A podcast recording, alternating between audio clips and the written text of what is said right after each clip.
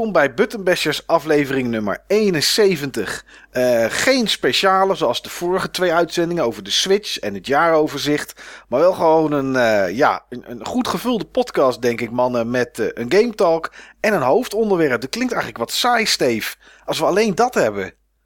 Ja, dat klinkt wel wat saai. Oké. Okay. Nou ja, goed. Ik denk dat het vast heel leuk wordt. Toch, weet Niels? Niet. Hebben we op dit, er zin op dit in? Moment, op dit moment is niets leuk. Oké, okay. Ja. Ik ben Ja, een beetje verdrietig. Waar ben je verdrie verdrietig om, Steve? Ik begin nu al te lachen, hè? Want leedvermaak is het mooiste vermaak wat er is. Maar waar, waar ben je Er is, iets, verdrietig er over? is iets kapot gegaan waar ik heel erg aan gehecht ben en wat ik al een hele tijd had en wat ik best wel vaak gebruikte. Ook voor, Toch deze, niet weer het geluid van je PC Engine. hè? ook voor deze podcast. Nee, erger nog. Ik vertel het straks wel. Ik moet, het nog, ik moet het voor mezelf nog even wat meer verwerken. Oké. Maar het doet me wel iets. Het doet je wel iets. Ja. misschien doet het je wel vreugd. Alleen wil je dat nog niet laten, laten blijken. Maar nee, goed, doet me, geen, het we- doet me geen vreugd. doet je geen vreugd. Nee. Oké. Ik huil Hmm. van binnen en van buiten. Van binnen en van buiten. Ja. Potverdorie zeg. Oké, nou, ik- ik ben, ik ben ook een beetje moe.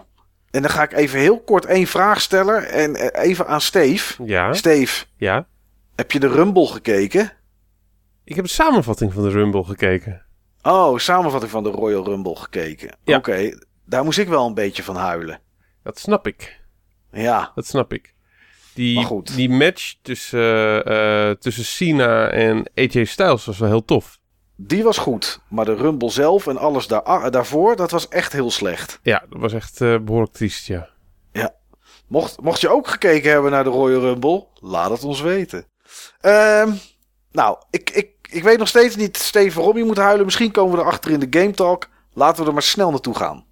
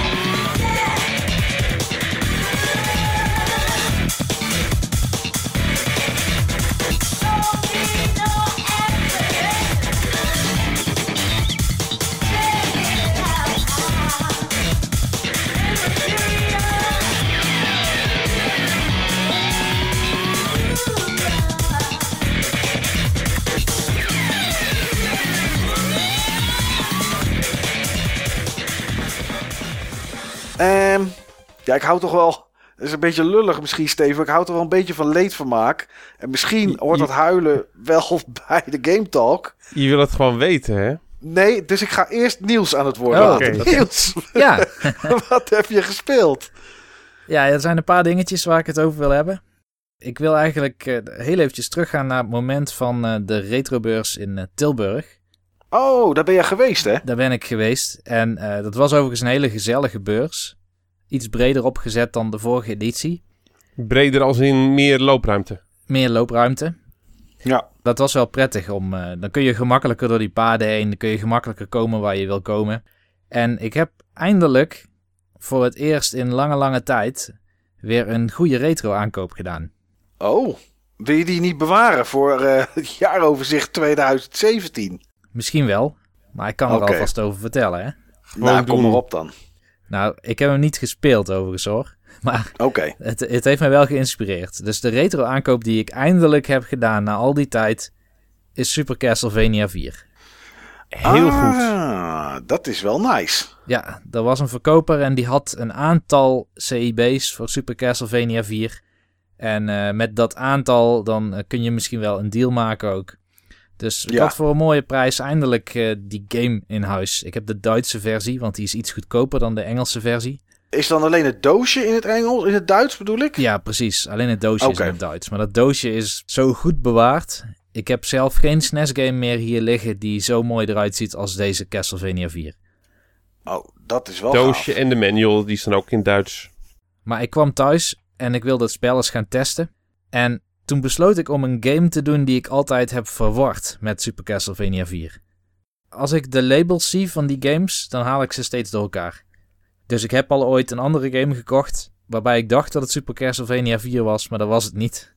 F-Zero. een F-Zero, nee, het is uh, Super Ghouls and Ghosts. Oh, ja, lijkt het zoveel op elkaar? Ja, nou, lijken ze op elkaar. Uh, er staat iemand op en die, die hakt iets.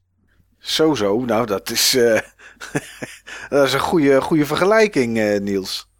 Ik heb beide titels nooit gehad. Hè? Ik heb ze wel allebei op de Virtual Console gehad. Oh ja. Maar nooit op kart of zo. Maar Super Ghouls and Ghosts. Ik heb de. Wat was het? Ghost and Goblins is deel 1, geloof ik. Die heb ik wel gespeeld. Ook op de Virtual Console. En uh, dan de arcade versie. Want die, die had de mooiste renditie van de muziek, vond ik toen. Oké. Okay. Maar daar kon ik nooit echt ver in komen. Die is moeilijk. Ja, is echt heel moeilijk. En um, Ghosts and Goblins is zo'n game dat bedoeld was ook voor de arcade. En om zoveel mogelijk geld van je af te troggelen. Ja. Dus het is één hit kill. Tenzij je een armor aan hebt, dan, uh, dan raak je eerst het armor kwijt en dan ben je daarna nog af. En um, ja, behoorlijk veel obstakels waar je heel erg snel op moet reageren in een level. En elke keer als je afgaat, dan word je of terug naar het begin van het level geplaatst, of naar een halverwege checkpoint-achtig iets. En ik was dus wel voorbereid op moeilijkheid met Super Ghouls and Ghosts, maar uiteindelijk speelde ik hem in één keer uit. Oh, dat viel dus heel erg mee uh, qua difficulty. Ja, ik denk uh, dat uh, Netrunner was bij me en we wisselden af en toe de controller uit. En binnen twee uur hadden we hem uitgespeeld. Oh. Het was ook echt gewoon niet heel erg moeilijk. Maar um, wat ik cool vind aan uh, Super Ghouls and Ghosts, ik vind het ook veel leuker dan het eerdere deel. Niet alleen omdat het beter te doen is, maar er zitten een aantal nieuwe dingetjes in die mij wel goed bevallen. Het is sowieso zo'n game met zo'n mode 7 effect. Dus soms dan draait de achtergrond of uh, bewegen er hele grote dingen in het scherm. Maar wat Super Ghouls and Ghosts doet ten opzichte van Ghosts and Goblins is je hebt een extra armor. Dus nadat je het eerste armor hebt opgepakt, kun je nog een keer een armor oppakken. En als je dat armor oppakt, dan transformeert ook je wapen naar een betere versie van dat wapen. Oké. Of soms naar iets heel anders. Bijvoorbeeld als je een mes hebt, een van de meest waardeloze wapens in uh, de eerste Ghosts and Goblins. En je pakt het nieuwe armor op, dan gooi je in één keer messen met lasers eraan vast.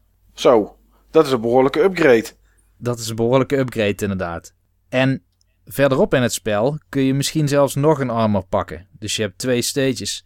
En dat tweede armor stage, dat geeft een soort charge ability.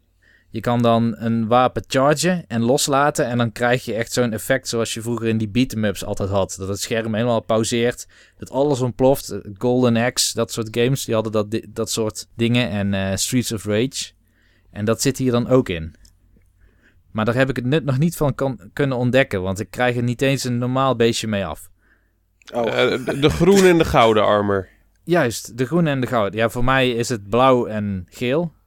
Maar uh, kleurenblind, hè? ja. Nou ja, goed. Je ziet in ieder geval het verschil, Niels. Dat is al heel wat. Oh ja, en ik zou het bijna vergeten, maar in deze game kun je ook double jumpen. Oh, dat is wel behoorlijk. Dat is ook best wel essentieel voor het level design. Ja, soms moet je wel echt over dingen heen springen of beweegt de grond onder je. En dan moet je toch echt weg kunnen springen van iets wat misschien dadelijk wel ineens een pitfall wordt in plaats van een platform. Ik, ik vind het altijd een best wel venijnige double jump van Super Ghouls and Ghosts. Ja? Hoe bedoel je? Uh, je kan niet bijsturen, hè? Je, je zit vast in je traject.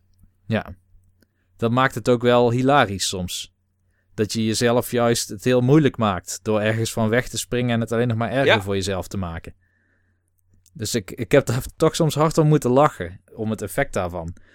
En dan maak je soms de meest rare pro-tactics-achtige perikelen mee.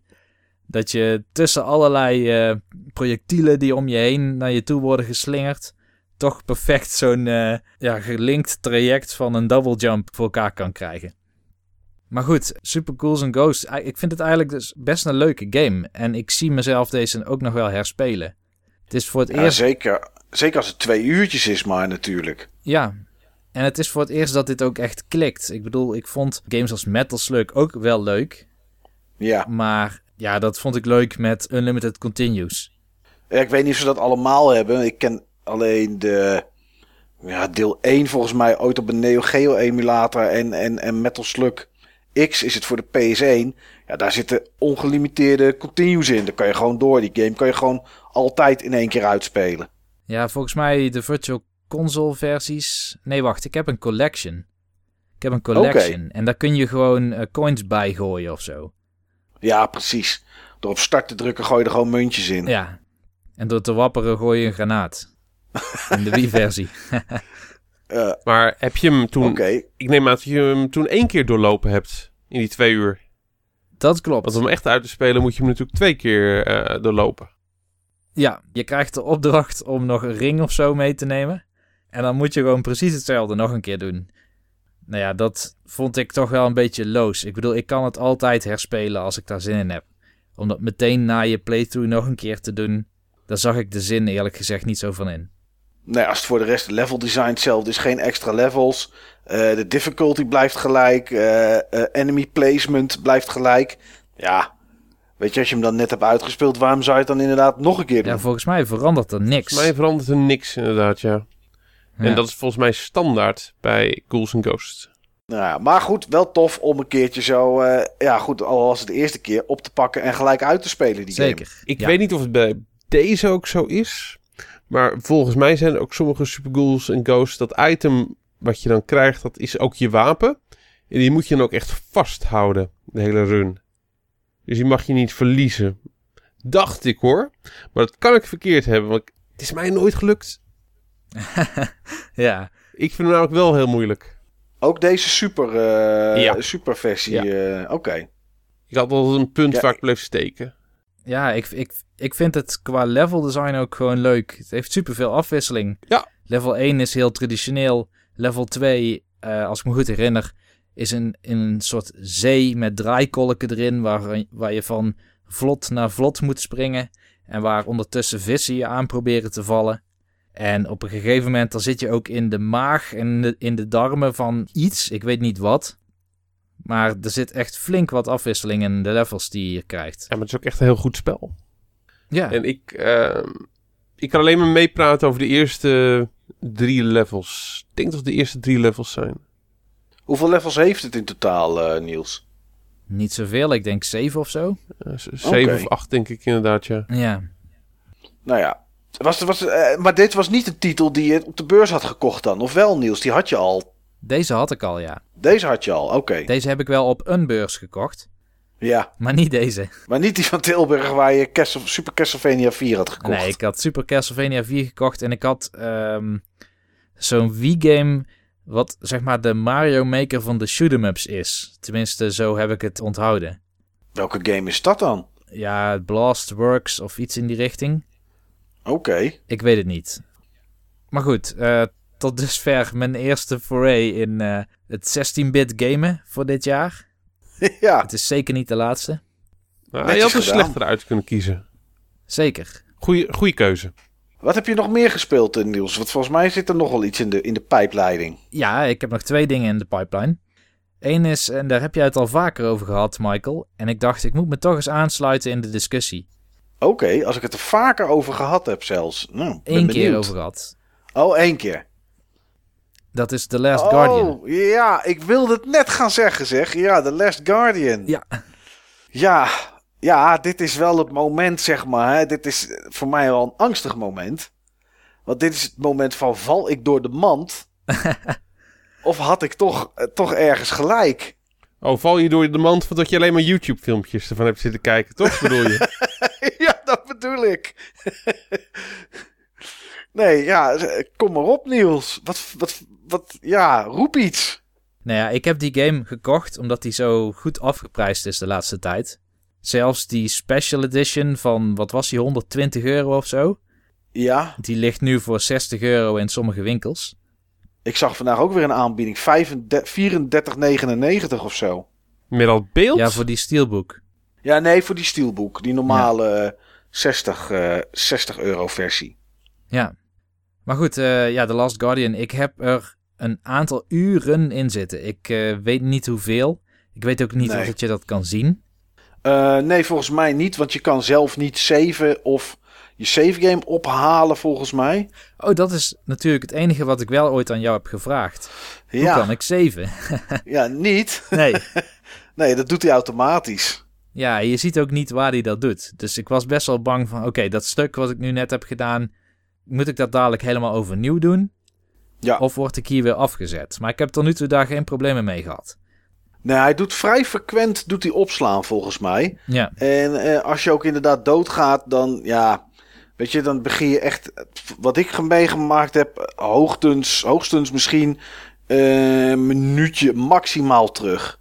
Dus Ja. dat is best goed te doen. Zeker. Maar eh, ja, je hebt natuurlijk al over die game verteld en waar het over Ja. gaat. Ehm, ik heb daar natuurlijk ook over na zitten denken terwijl ik de game speelde. Ik heb jouw ervaring in mijn achterhoofd gehouden. Mhm. Eh, maar ik heb niet altijd zoveel problemen als jij had. Oké. Eh, bijvoorbeeld, jij noemde het tonnetje dat Trico die niet op wilde pakken. Ja. Volgens mij legt de game ook gewoon uit dat Trico niet wil eten als je dichtbij staat. Klopt, dat is in het begin. Ja, Ehm, maar ondanks dat ik in zo'n, in zo'n hokje stond, om een hoekje waar hij mij niet kon zien, eh, pakte hij hem gewoon niet op. Hij rook je. Ja, dat zou Heel kunnen. slim beest. hij kijkt heel Ja. manisch op het moment dat je een tonnetje vasthoudt. Ja, Worden hij kijkt, ogen sowieso, hij kijkt wel vaker manisch, eh, dat beest. Ja, dat is Dus waar. eh, ja, maar nee, dat, eh, dat, dat heb ik gehad in het begin. Ja. Nou ja, wat ik vind van The Last Guardian, met het aantal uren die ik nu heb gespeeld, en voor degenen die de game al hebben gespeeld en een indicatie willen hebben van waar ik ben, ik heb eh, behoorlijk wat spiegels heen en weer zitten duwen. Of glazen ruiten zijn het eigenlijk meer. Ja, En het voelt aan alsof ik eh, minstens over de helft ben. oké. Maar ik moet zeggen dat ik vind dat de game een aantal hele goede dingen doet. Maar dat verwatert helaas in een heleboel matige dingen. Voor mij Ja. persoonlijk. Ik ben weken geleden met The Last Guardian begonnen. En ik kan me er niet toe zetten steeds om verder te gaan. Ja, dat klinkt bekend. Mij werd aangeraden na patch 1.03 om het toch weer eens een keer op te pakken. Ik weet niet hoe lang patch 1.03 inmiddels uit is. Maar ik heb het dit hele jaar nog niet gespeeld, zeg maar. En ik heb het Nee. zelfs in mijn vakantie tussen kerst en oud en nieuw niet eens meer gespeeld. Sterk, volgens mij heb ik het eh, een dag na de release en in dat weekend daarna nog gespeeld en dat was het. Dus dat is al meer dan twee maanden geleden. Ja, dat zou kunnen. Ik heb dan waarschijnlijk wel die patch. Ja, Ik moet wel zeggen dat... Ik moet helemaal niks zeggen. Ik hoef niks je moet te van- zeggen. Ja, je moet van mij wel wat zeggen. ik, ik, ik, ik wil graag, en dan, dan zal ik eh, voor alle luisteraars die, die, die vinden dat het wel een goede game is, laat, zal ik zeggen, wat zijn dan de dingen die, die, die je minder bevallen? En laten we dan eindigen met de positieve dingen. Oké, die, die mij minder bevallen. Ja, wat bevalt jou minder? Nou, wat jij al hebt verteld over de controls en de camera, die twee dingen die onderstreep ik helemaal. Oké, Eh, gelukkig. ik heb zelden zo slechte controls meegemaakt. ja, het ik is denk echt nu niet dat goed. ik een indicatie heb van hoe het is om op Stevenson TV te spelen. Want ik heb getimed hoe lang het duurt als ik een pookje indruk om mijn poppetje te laten lopen, Ja, voordat hij dan ook iets gaat doen. En er zit bijna een halve seconde tussen. ja, dat is echt te lang. Hij start echt niet met iets doen totdat ik dat heb gedaan. En dat heeft hij met eigenlijk alle acties. Alle acties heeft, hebben een behoorlijke vertraging. Ja, En nou weet ik wel dat er mensen zijn die zeggen: ja, maar dit is nodig. Dit hoort bij de visie van de designer. En eh, het is niet de bedoeling dat je heel goed controle hebt over je karakter, want dan wordt het een ander type game.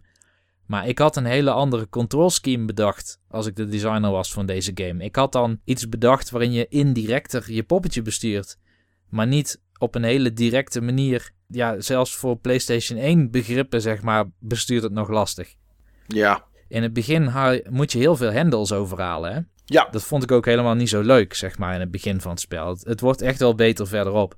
Maar in het begin ben je eigenlijk de hele tijd bezig met een kamer in te lopen. Trico kan niet verder, want er zit een hek dicht. ja, En dan kijk je rond en dan zie je een hendel. Nou, dan moet je of via de omgeving klimmen of via trico klimmen. En dan ben je bij de hendel en dan haal je hem naar beneden en dan kan hij weer verder. Dat trucje wordt in ieder geval de hele tijd herhaald in het begin van het spel. Alleen soms dan sta ik voor mijn gevoel recht voor die hendel en dan haalt hij hem niet over. Nee, dat klopt. En dan ben je echt als een Resident Evil 1 stijl. Achteruit, vooruit, achteruit, draaien, vooruit, achteruit, draaien, vooruit. Nu sta ik ervoor. En dan vergeet ik Ja. weer welke knop het ook alweer was om die hendel over te halen. Want het gebruikt een andere control scheme dan dat je gewend bent van alle andere commerciële spellen. Ja, X is niet om te springen, bijvoorbeeld. Nee, driehoekje was geloof ik springen, toch? Ja, of die knop bovenaan. Is het vierkantje? Ik weet nooit wat het is eigenlijk. Dat is driehoekje. dat ik- Oh, dat is driehoekje. Ja, ja, die is springen inderdaad. Ja. Eh, volgens mij is het rondje. Oh, dat zou ook nog kunnen. Om eh, een hendel naar beneden te halen. Ja, wat er inderdaad irritant is, wat je net zegt, is omdat er zo'n vertraging in zit van eh, jouw actie naar het beeld. Dan draai je en dan denk je, oh, hij staat er niet voor. Dan geef je hem nog een tikje en dan zie je heel eventjes, zie je het moment dat je hem eigenlijk had kunnen pakken. Maar dan is hij weer te ver. ja. Ja, dat is zo hinderlijk. En dan, eh, dan is het ook een combinatie van dingen. Hè? Dus je moet dan rondje ingedrukt houden en op naar beneden drukken met je linkerstick. Ja. Dat vind ik op zich niet zo heel erg.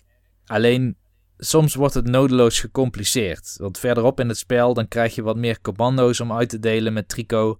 En dat is een, een combinatie van een stick en een trigger en nog een knop of zo. Tenminste, dat, daar komt het dan bij mij op neer Ja, om een voorbeeld te noemen. Je moet op een gegeven moment dan Trico, die wil je ergens op laten springen. Maar dat doet hij niet per se, omdat hij niet weet dat je dat wilt. Dus dan krijg je een commando waarmee je kan wijzen. En je krijgt een commando waarmee je kan springen. En een commando waarmee Trico moet lopen. Alleen, die commando's, daar zit meestal ook een, een richting aan vast. Waar het poppetje dan in wijst. Alleen, ik krijg dat niet voor elkaar om die de goede kant op te laten wijzen. Dat gaat Nee, je altijd krijgt- verkeerd. je krijgt eerst dat wijzen inderdaad. En dan moet je, je door rechts 1 in te drukken, roep je trico. Ja. Maar als je hem wil wijzen, dan moet je rechts 1 ingedrukt houden en je stick naar voren, je linkerstick naar voren duwen. Want dat is, dan wijs je hem naar de kant waarop je kijkt. Alleen, ehm, eh, volgens mij moet je het echt tegelijkertijd doen. Dan kan je niet eerst rechts 1 ingedrukt houden of zo. Ik weet niet, er zit iets heel raars zit eraan. Ja. En ehm, ja, het probleem wat ik daar vooral bij had is dan, dan staat de camera staat anders dan dat jouw poppetje kijkt. En dan staat, staat jouw jongetje staat een beetje naar rechts, eh, naar rechts te kijken. En die camera staat naar links. En dan stuur je Trico. En wat doet hij dan? Dan gaat hij dus naar rechts. En dan springt hij ergens overheen. En dan ben je hem weer even kwijt. Want dan is hij aan de overkant. Nou, allemaal van dat soort dingetjes gewoon. Dat is gewoon ja, super irritant. Ja, je vecht echt met de game. Ja. En niet met Trico. En dat was Nee. misschien de bedoeling geweest. Ja, dat zou kunnen inderdaad. Maar ja, goed. Eh, ja, dat is, echt wel, dat is echt wel een nadeel. Of je klimt in Trico en dan wil je vanaf Trico wijzen. En dan Ja. wil ik op zijn hoofd gaan staan of zo. En daar ben ik dan echt een anderhalve minuut mee bezig. Om te ontdekken hoe ik moet gaan klimmen. Of ik bedoel, hoe ik eh, recht oriënteer. Ja, Zodat ja, ik daar of je staat Of je staat op zijn hoofd of op zijn, of op zijn nek en je wil eraf springen. En hij, gaat hij gaat bewegen. Dan hang je in één keer weer aan de zijkant van Trico. Ja. Wat dan val je, val je van hem af. Ja, dat is zo frustrerend. ja, dit vertelt mij eigenlijk dat het gerushed is. De game. Ja, maar ze hebben ook beide geen tijd gehad om dit spel af te maken. Nee. Dus ik snap wel dat het gerust is. Ik moest er even echt denken. zo. Ik dacht, is het sarcasme? Nee, het is ja, ja, dat is, ook. wordt het, best wel sarcasme inderdaad, ja. maar het is ook echt waar ook. Dat ze er zo lang over gedaan hebben. Maar het zit hem in meer hoor dan de controls. Het zit hem in de dingen die je in de game moet doen. Het is heel repetitief. En dat kan een statement zijn van de designer. Maar het wordt ook de hele tijd met dezelfde props gebracht. Maar wat voor statement zou een designer daarmee willen geven dan? Nou, wat ik me voor kan stellen. ehm, Fuck you Is- all. Vind ik een hele goede statement. nou, wat, wat de game doet. Ga, en ga dan- echt dan- de hond kopen. Het Trico is wel echt super gaaf. Ik kan soms de camera gewoon op Trico zetten en hem ergens naartoe laten lopen. Omdat ik het gewoon gaaf vind om hem te zien lopen. Ja. Dus dat- Maar wat denk jij dat het voor statement zou kunnen zijn? Behalve die van Steve? Nou, dan moet ik voorzichtig zijn, want ik wil niet dingen spoilen. Want er zitten momenten in deze game die best wel gaaf verzonnen zijn. De uitvoering is niet per se helemaal 100%, Maar het idee is er. Ehm, ik spring dan heel even vooruit naar iets wat voor mij dan voor mijn speeltijd ongeveer anderhalf uur geleden zou zijn. Ja. Ehm, ik stond op een toren die op het punt stond om in te storten. Sterker nog, het meeste stortte ook echt in. En ik kon eigenlijk geen kant meer op. Ik kon niet terug naar Trico. Ik kon niet Nee. ergens naartoe eh, springen of klimmen. Ik was bijna ten einde raad. Ik dacht, wat, wat moet ik nu doen? Wat verlangt het spel dat ik doe? Moet ik Trico iets vertellen of zo? Moet ik iets signaleren? Ik wist het echt niet. En op een gegeven moment dacht ik, oké, ja, ik heb eigenlijk in feite nog maar één keuze. En ik hoop dat het spel deze keuze accepteert. Nou, daar zit een Ja. mooi moment van wat mogelijk is, denk ik, door die lange aanloop van het spel die vrij monotoon en repetitief is. Omdat je wordt geconditioneerd om met Trico te werken en in ieder geval hem jou te laten vertrouwen. Nou is alleen het jammere dat dat trucje gewoon meerdere keren wordt gebruikt in het spel, waardoor de impact verloren raakt. Ja. En dan wordt het toch weer een standaard mechaniek om een uitdaging te overkomen. ja, dat is zonde. Ik snap wel wat, wat je bedoelt. Ja. Ehm, op naar het positieve. Heeft hij al gepoept? Nee, dat heeft hij nog niet gedaan. Oh, Doet hij dat? oké. Ja, dat doet hij. Eh daar krijg je ook een trofee voor. Als je ergens een keer om een hoek staat dat hij je niet kan zien. eh, wat later in het spel, niet in het begin. Dan krijg je in één keer een trofee die iets zegt van When Nature Calls of zo. Oh, en die dan, heb ik eh, wel. dan heeft... Die heb ik. oh, dan, oh, dan heeft hij een keer gepoept. Oh, dat heb ik helemaal gemist. Ja, nou dat geeft niet. Ja, nou ja, wat, wat, wat wel positief is, wat ik wel serieus echt leuk vind in de game, is het moment wanneer je moet zoeken waar je naartoe zou kunnen springen of klimmen.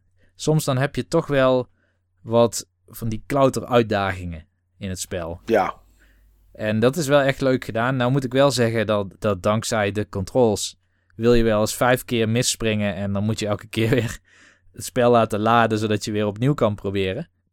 ja, Maar ehm, er zitten wel momenten in dat ik, dat ik kijk naar de omgeving en bedenk, ja, hoe kom ik nou ooit aan die andere kant van die brug? En Ja. dat is wel leuk om te verzinnen. dat is inderdaad wel leuk. Ik heb één vraag, Niels. Eh, snap jij het game over scherm eigenlijk? Eh, je bedoelt met al die symbolen die dan... eh, Ja, ik vind dat super irritant. Als je namelijk game over gaat, dan staat er game over of you died. Nou nee, you died staat er niet. Dat is, dat is meer Dark Souls. Eh, als je game over bent, staat er denk ik iets van game over of zo of wat dan ook. En dan komen heel langzaam komen de symbolen op beeld. En ik weet wel waar die vandaan komen, zeg maar. Of, of, of waar die mee te maken hebben. Maar dan moet je op al je knoppen drukken, heel snel.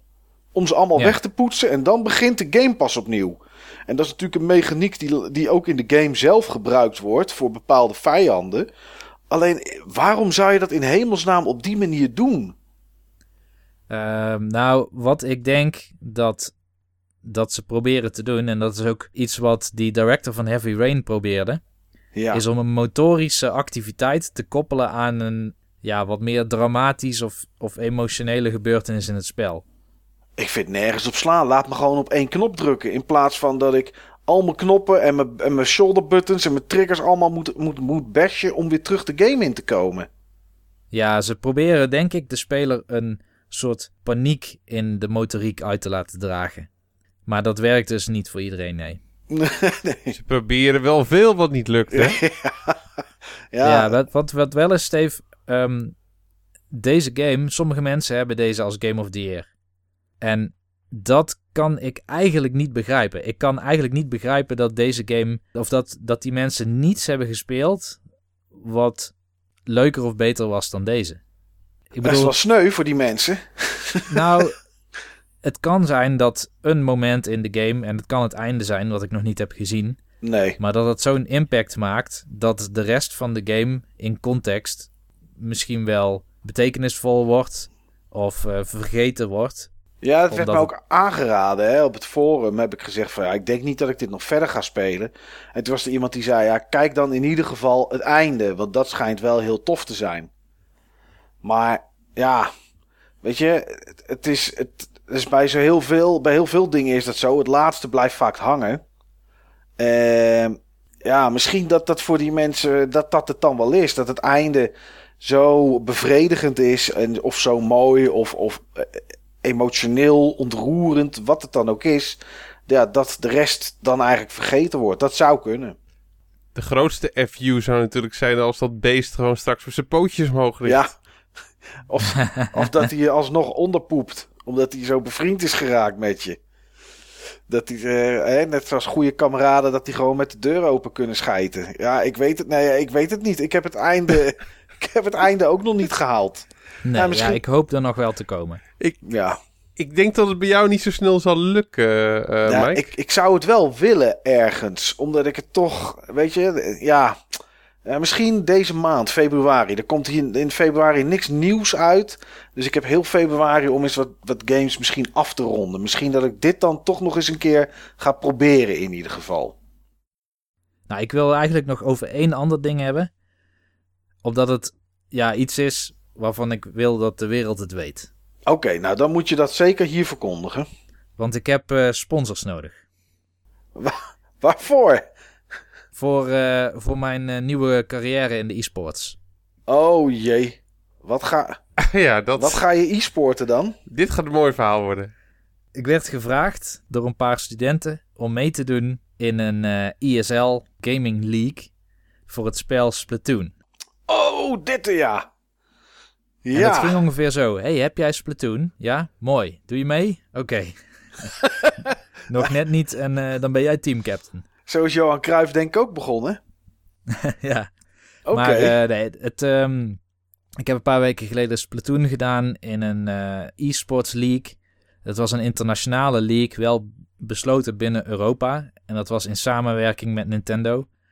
Eh, ik was vooral heel benieuwd hoe dat dan zou werken. Want je kan dat dan vanuit thuis doen. Je hoeft niet naar een of andere venue of zo te gaan om daar live bij andere mensen te gaan zitten en op een stage of zo eh, met Twitch streaming en alles erbij je kunst te vertonen. Maar je kan gewoon thuis op de bank via je internetconnectie kun je meedoen aan zo'n toernooi. ja. En ehm, je hebt een, eh, een platform en dat heet ESL Play. En dat biedt een interface om andere teams te ontmoeten en om bepaalde dingen in het spel te configureren. Bijvoorbeeld bij eh, Splatoon, je krijgt een message eh, dat je tegen een ander team moet. Dan wordt jouw teamcaptain via chat verbonden met de teamcaptain van het andere team. En ehm, zij kunnen beide een aantal stages bannen. Ja. En dan één stage ter voorkeur nomineren. En daarna zul je zien dat beide stages een keer worden gebruikt in de twee matches die je achter elkaar tegen dat team hebt. En dat gebeurt allemaal buiten de Wii U om, hè? Dat is gewoon in een browser. Ja, klopt. Dat is in een browser. Ja. En dat werkt eigenlijk best wel goed.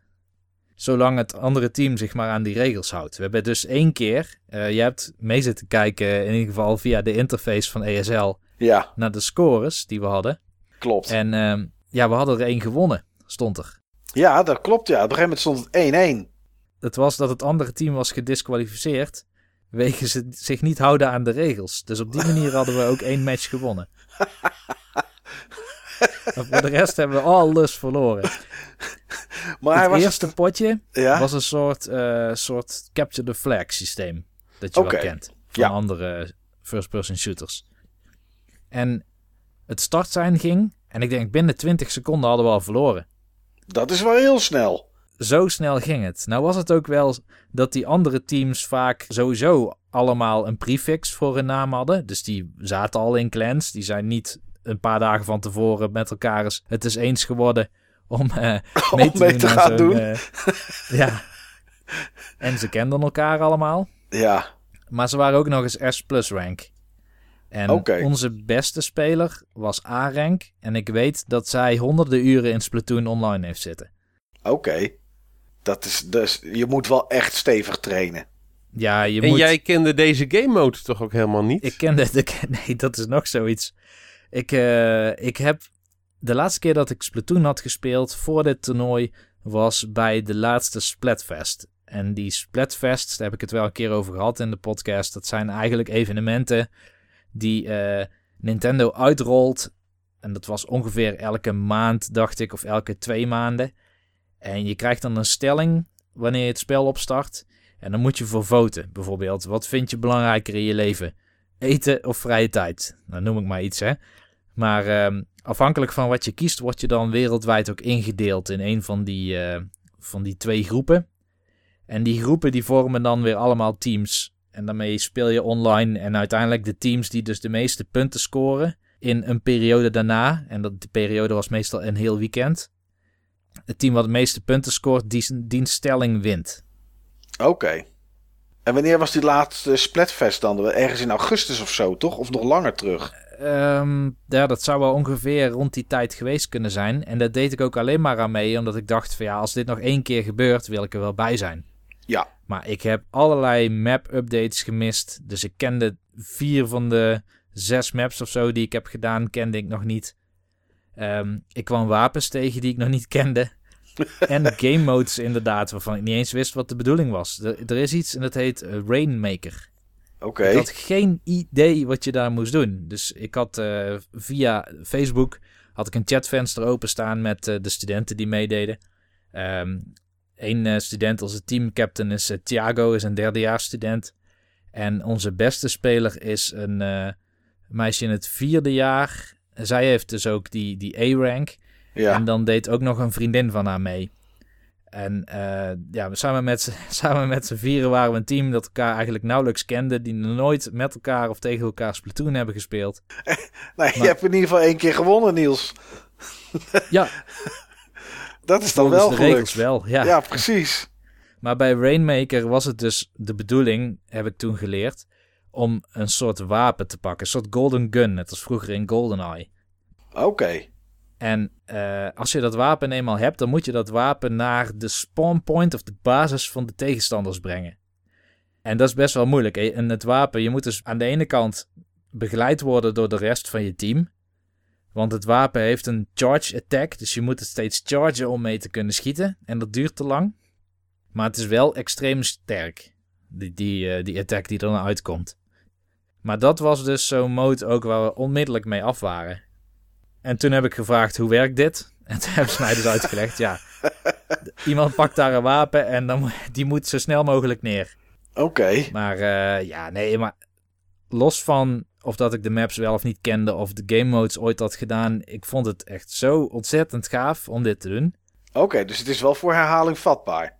Ja, ook al won ik niks. Uh, we hebben wel twee keer bijna gewonnen. Dat voelt toch als een soort ja, indicatie dat je niet helemaal waardeloos bent in het spel. Ja, ja, dat is een gevoel wat ik ken. Als ik met Hearthstone in het toernooi zeg maar uh, de tegenstander nog twee hitpoints heeft en ik verlies, dan denk ik ja, ik had hem toch bijna.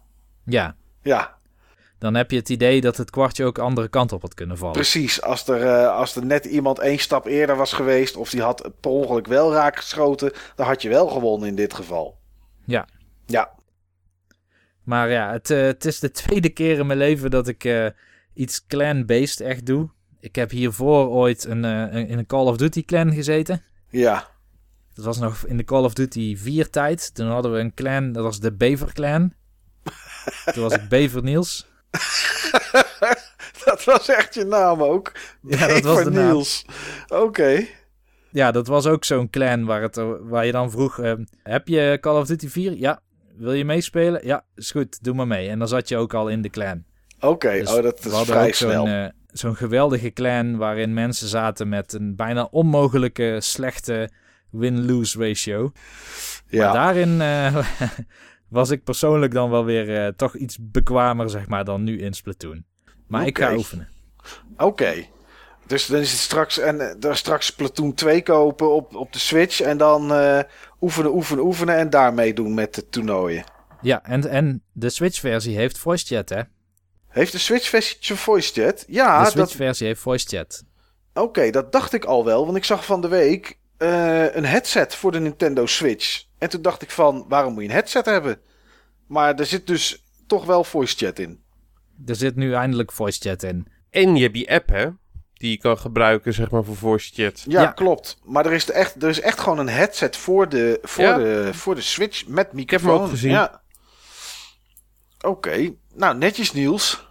Echte e-sporter in ons midden. Ik bedenk me nu net wel dat ehm, ik misschien dit hele gedeelte over de prestaties eruit moet knippen voor alle mogelijke sponsoren die in de rij staan. Ja, als die, als die er al zijn, dan eh, LG doet wel vaak iets, hè? Dus Ja. misschien eh, moet je zeggen dat dat een goede tv is.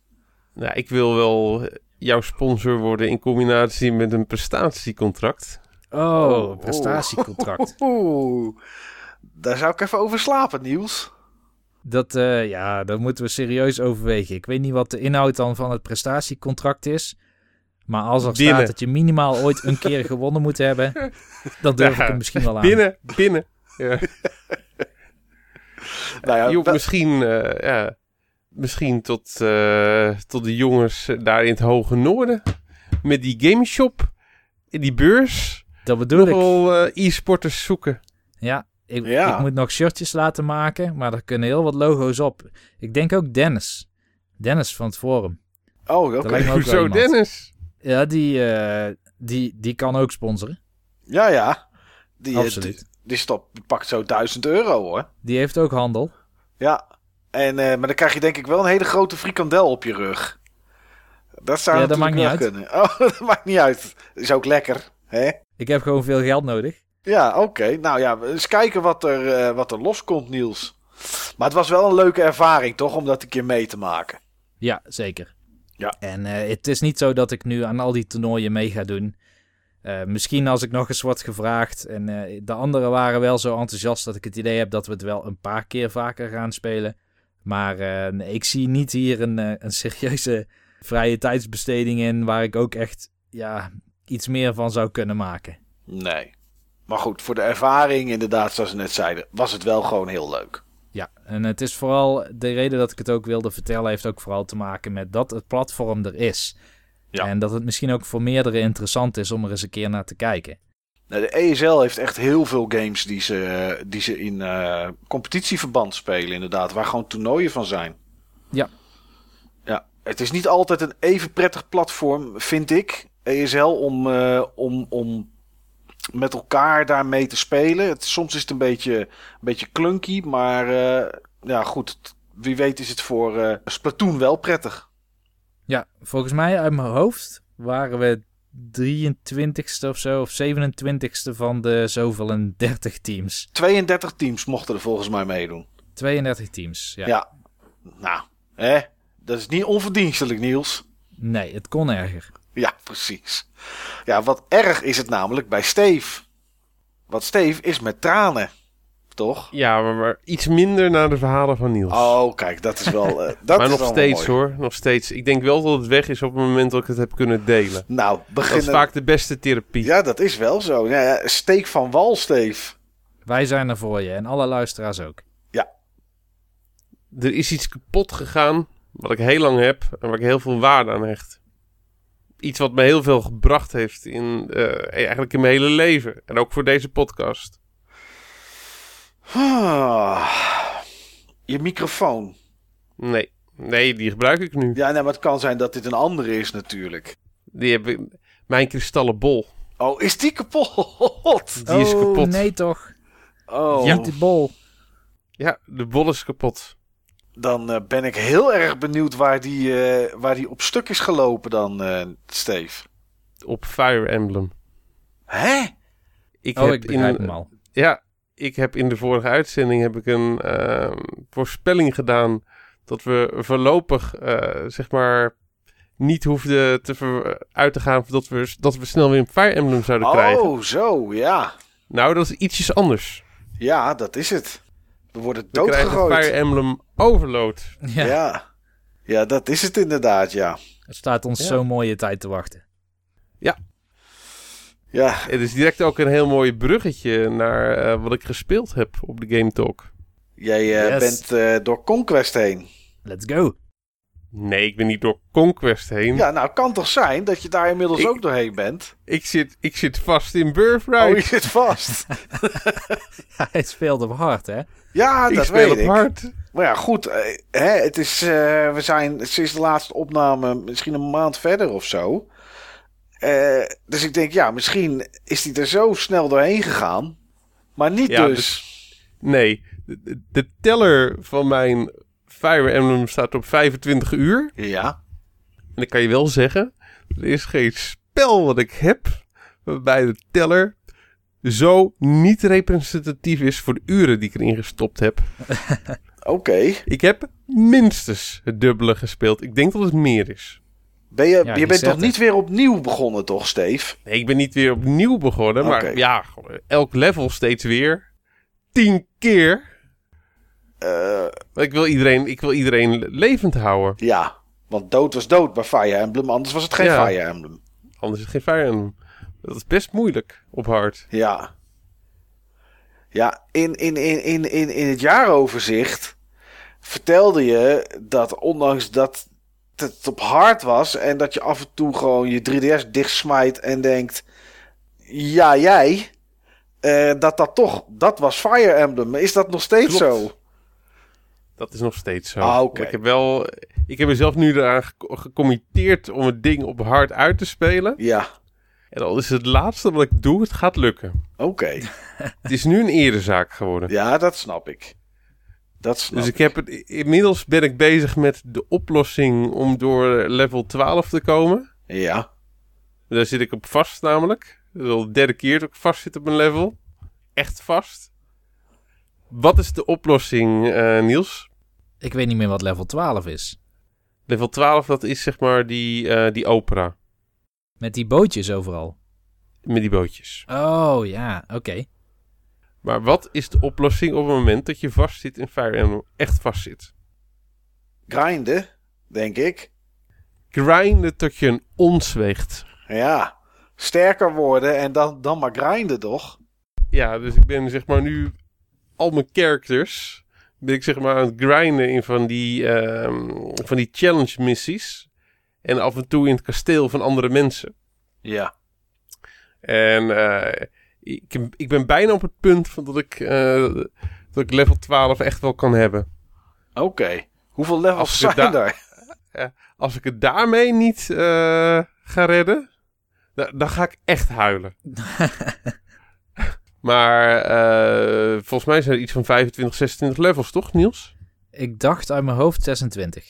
Oh, Steve, als je bij elke die eraan komt zo vast gaat zitten, hé. Dan, eh, dan, dan, ja, dan horen we daar nog, nog, nog vaker iets over dan over Dan Destiny, wordt het, een mooi, wordt het een mooi jaaroverzicht. Eh, Ja, eh, dan komt hij Nou wel ja. op één te staan natuurlijk. ja, Op het moment Maar dat ik, je Fire Emblem op hard speelt, dan moet je met hele andere dingen rekening gaan houden. klopt. Je moet echt heel nauw kijken naar welke wapens je gebruikt en hoe dat combineert met de skills die je op dat moment actief hebt staan. En welke karakters je goede affinity mee hebt. Dat, ja, dat is eigenlijk een nieuwe game in de game.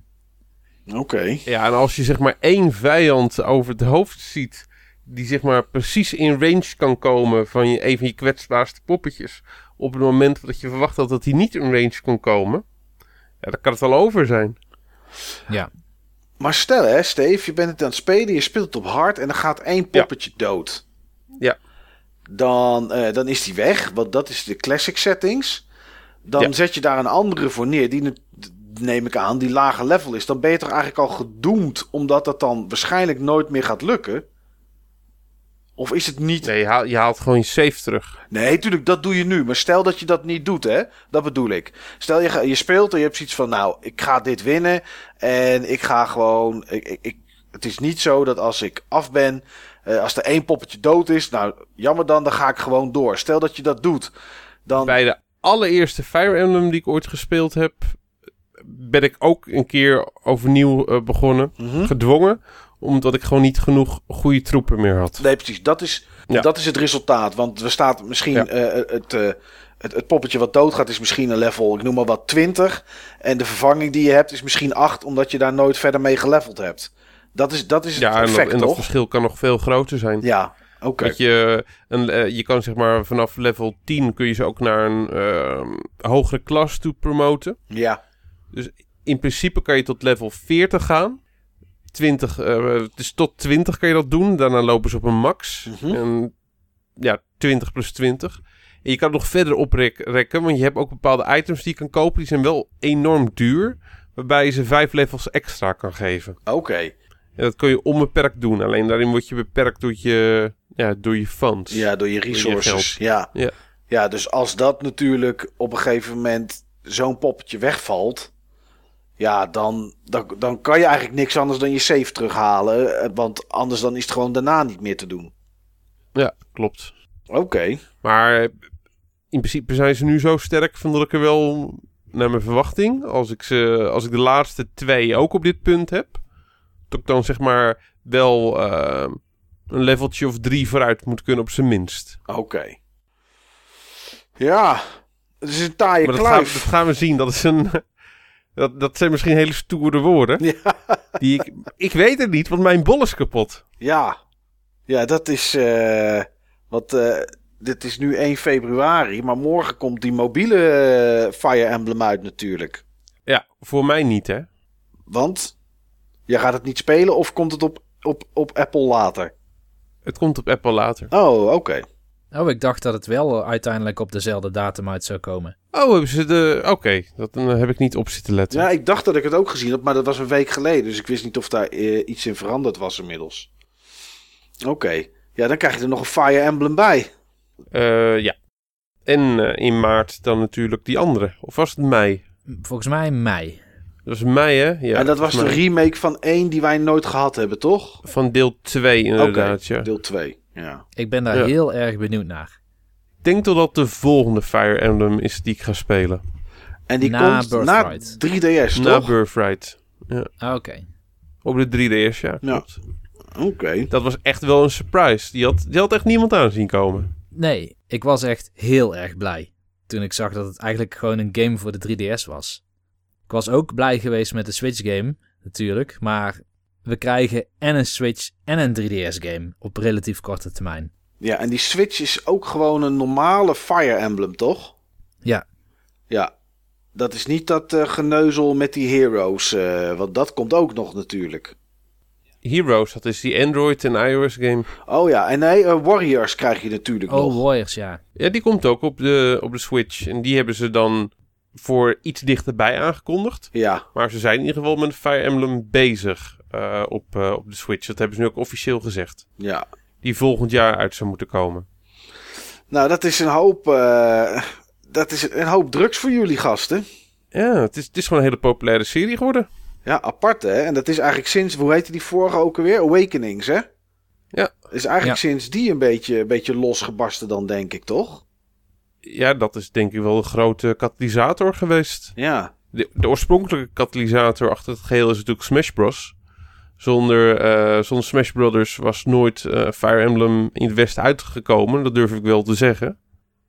Niet in die tijd in ieder geval, want eh, die eerste zes Fire Emblems die zijn nooit uitgekomen in, in, in het Westen. Ja. Het is puur doordat die karakters toen bekendheid hebben gekregen via, ehm, ja, via de Gamecube-versie volgens mij. Dat ze toen toch een paar dingetjes zijn gaan, pro- eh, gaan proberen. Bizar hè? Ja. Ja. Het was toen ook al best een archaïsche game toen uiteindelijk die Game Boy Advance versie uitkwam. Ik kan me nog de reviews herinneren dat, waarin dan stond, dit moet je echt proberen. Eh, de screenshots en filmpjes die laten je niet zien wat de game eigenlijk is. Ja, dat is wel, ja, dat is wel lastig om over te brengen dan, eh, dan op, op de mensen. Maar als reviews dat zeggen, dan, ja, dan wil dat soms wel eens wat toevoegen. Maar eh, het is uiteindelijk toch gelukt. Want het is nu echt wel heel populair. Ja, en die delen hebben goed verkocht. Ja. Die laatste drie delen, Awakenings en die twee eh, Fates. Ik zag toevallig vandaag het bericht wat ze precies hebben verkocht. En Awakening zit op 1,8 miljoen In totaal. in totaal. En Fates zit op 1,5 op dit moment. Maar het is niet bekend hoe dat dan zit met dat Revelations. Of dat dat er wel of niet bij wordt gerekend. Oké, nou ja. Volgens mij is 1,8 best Nou, aardig. dat zal wel niet erbij gerekend worden.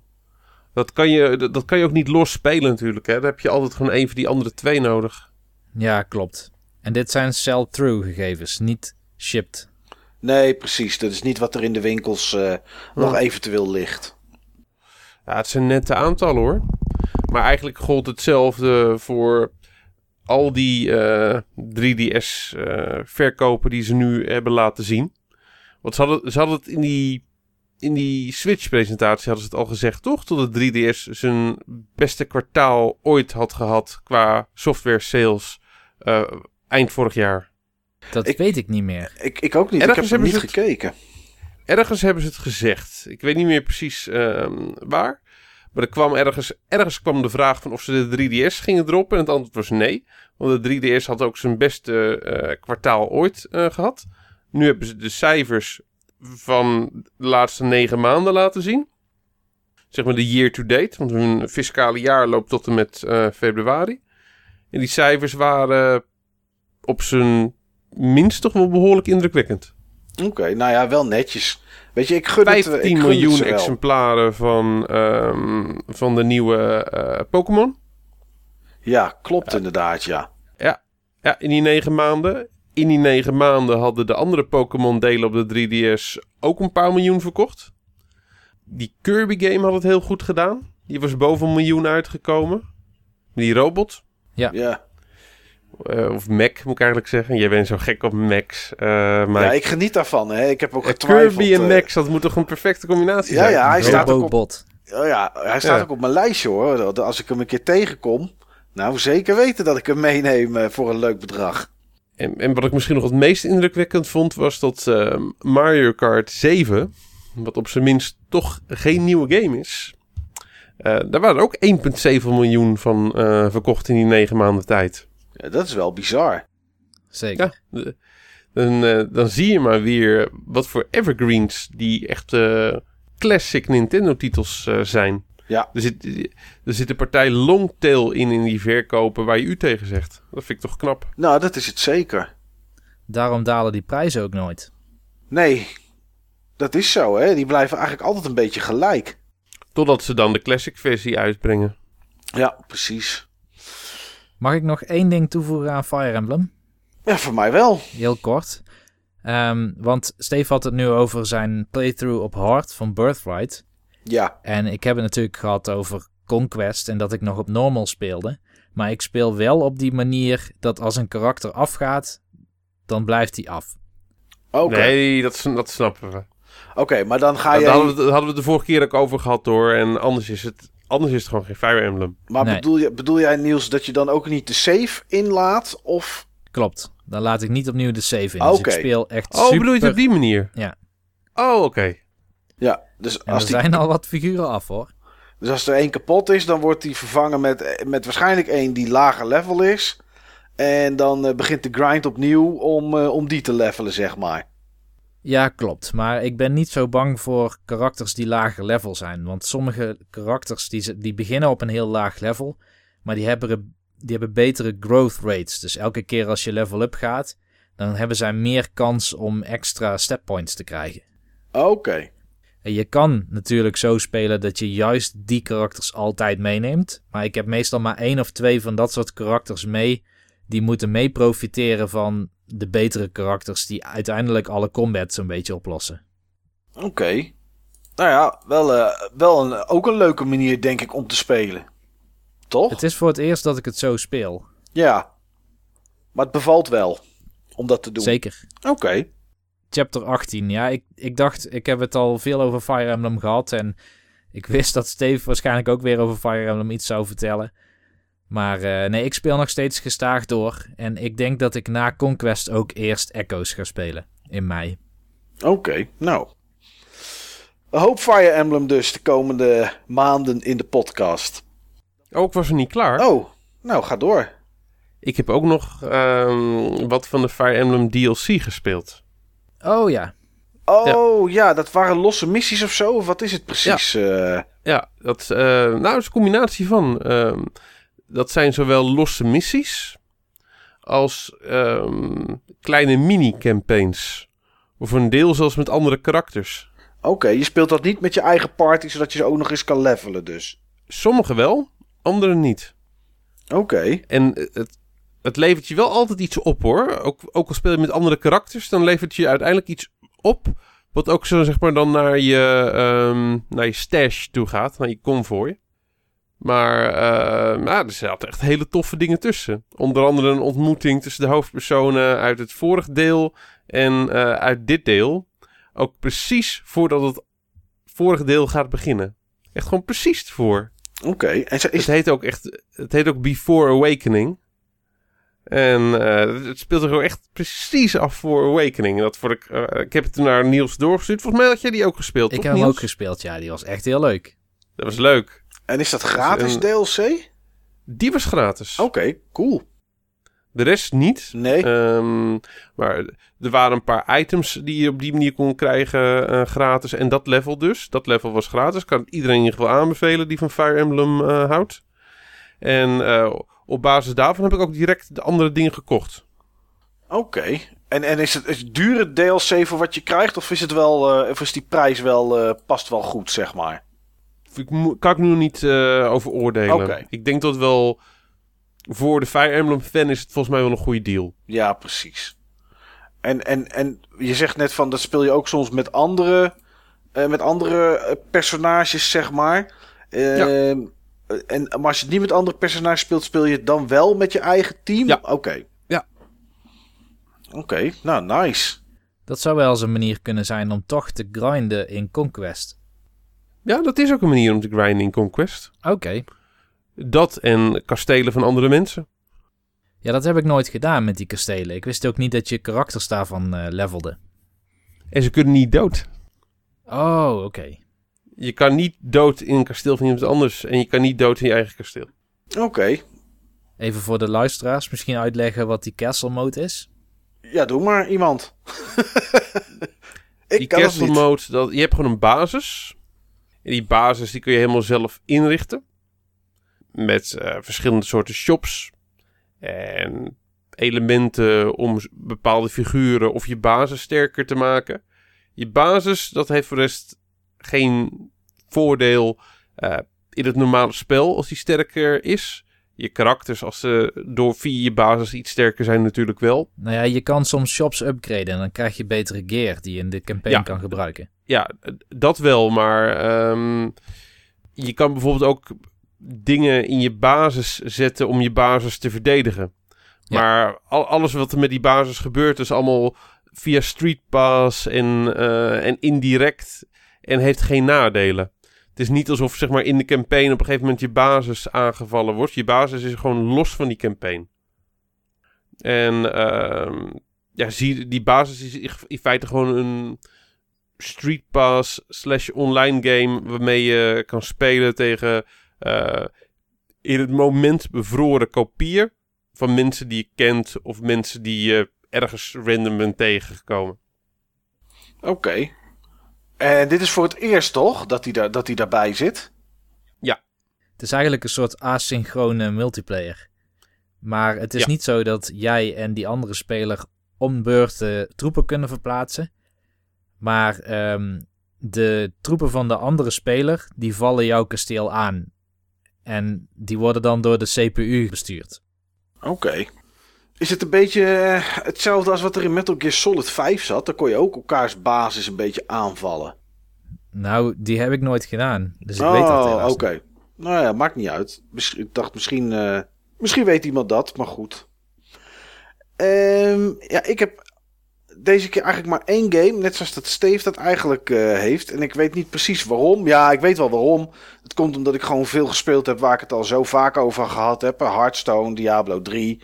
Eh, ja, dus daar hoef ik het niet, niet echt meer over te hebben. Maar, eh, ja, ik wil nog één ding zeggen. Ik heb, eh, ik heb eindelijk mijn gouden hunter, jongens, in Hearthstone. Zeggen jullie natuurlijk helemaal niks. En het is allemaal heel nerderig. Maar als je 500 potjes gewonnen hebt met een klas, dan krijg je daar een gouden hero eh, van. Dus nou, dat heb ik gehaald met Hearthstone. Nou, eh, Ik weet dat je hem heel graag wou. ja, ja, zeker weten. Dus, eh, het is, eh, ik heb er ook heel hard voor geknokt, moet ik zeggen. Moet je Maar ook sponsors hebben. Nee, hiervoor nog niet. Oh, Oké. Maar eh, ja, als iemand überhaupt is die denkt, ik, ik, ik wil Mike sponsoren, dan mag het natuurlijk sowieso. Ik ben eh, best bereid om daar, eh, om daar iets voor te doen. Moet niet te veel zijn. Ehm, maar wat ik wel gespeeld heb is Resident Evil 7. Ik eh, twijfelde of ik die moest kopen.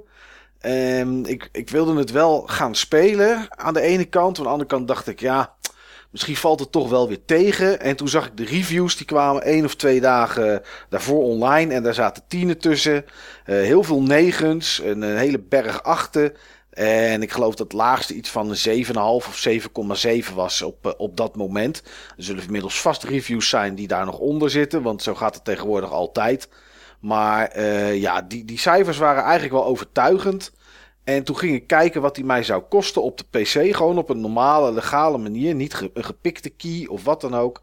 En dat was 28,50 euro. En toen dacht ik, ja, 28,50 euro, daar kan ik die game eigenlijk niet voor laten liggen. Nou, dat heb ik dus ook niet gedaan. Ik heb hem uh, op de dag van de lancering gekocht. Uh, ja, en ik ben daaraan begonnen. En uh, dat is best wel heel erg tof, moet ik zeggen. Ik ben daar redelijk enthousiast over. Ik heb hem nog niet uitgespeeld, ondanks dat de game redelijk kort is. Um, ik ken wel wat mensen die hem wel uitgespeeld hebben. En die hebben ja, zo'n 9 uur op de save game teller. Dat is met een paar keer doodgaan dan een uur of 11, denk ik.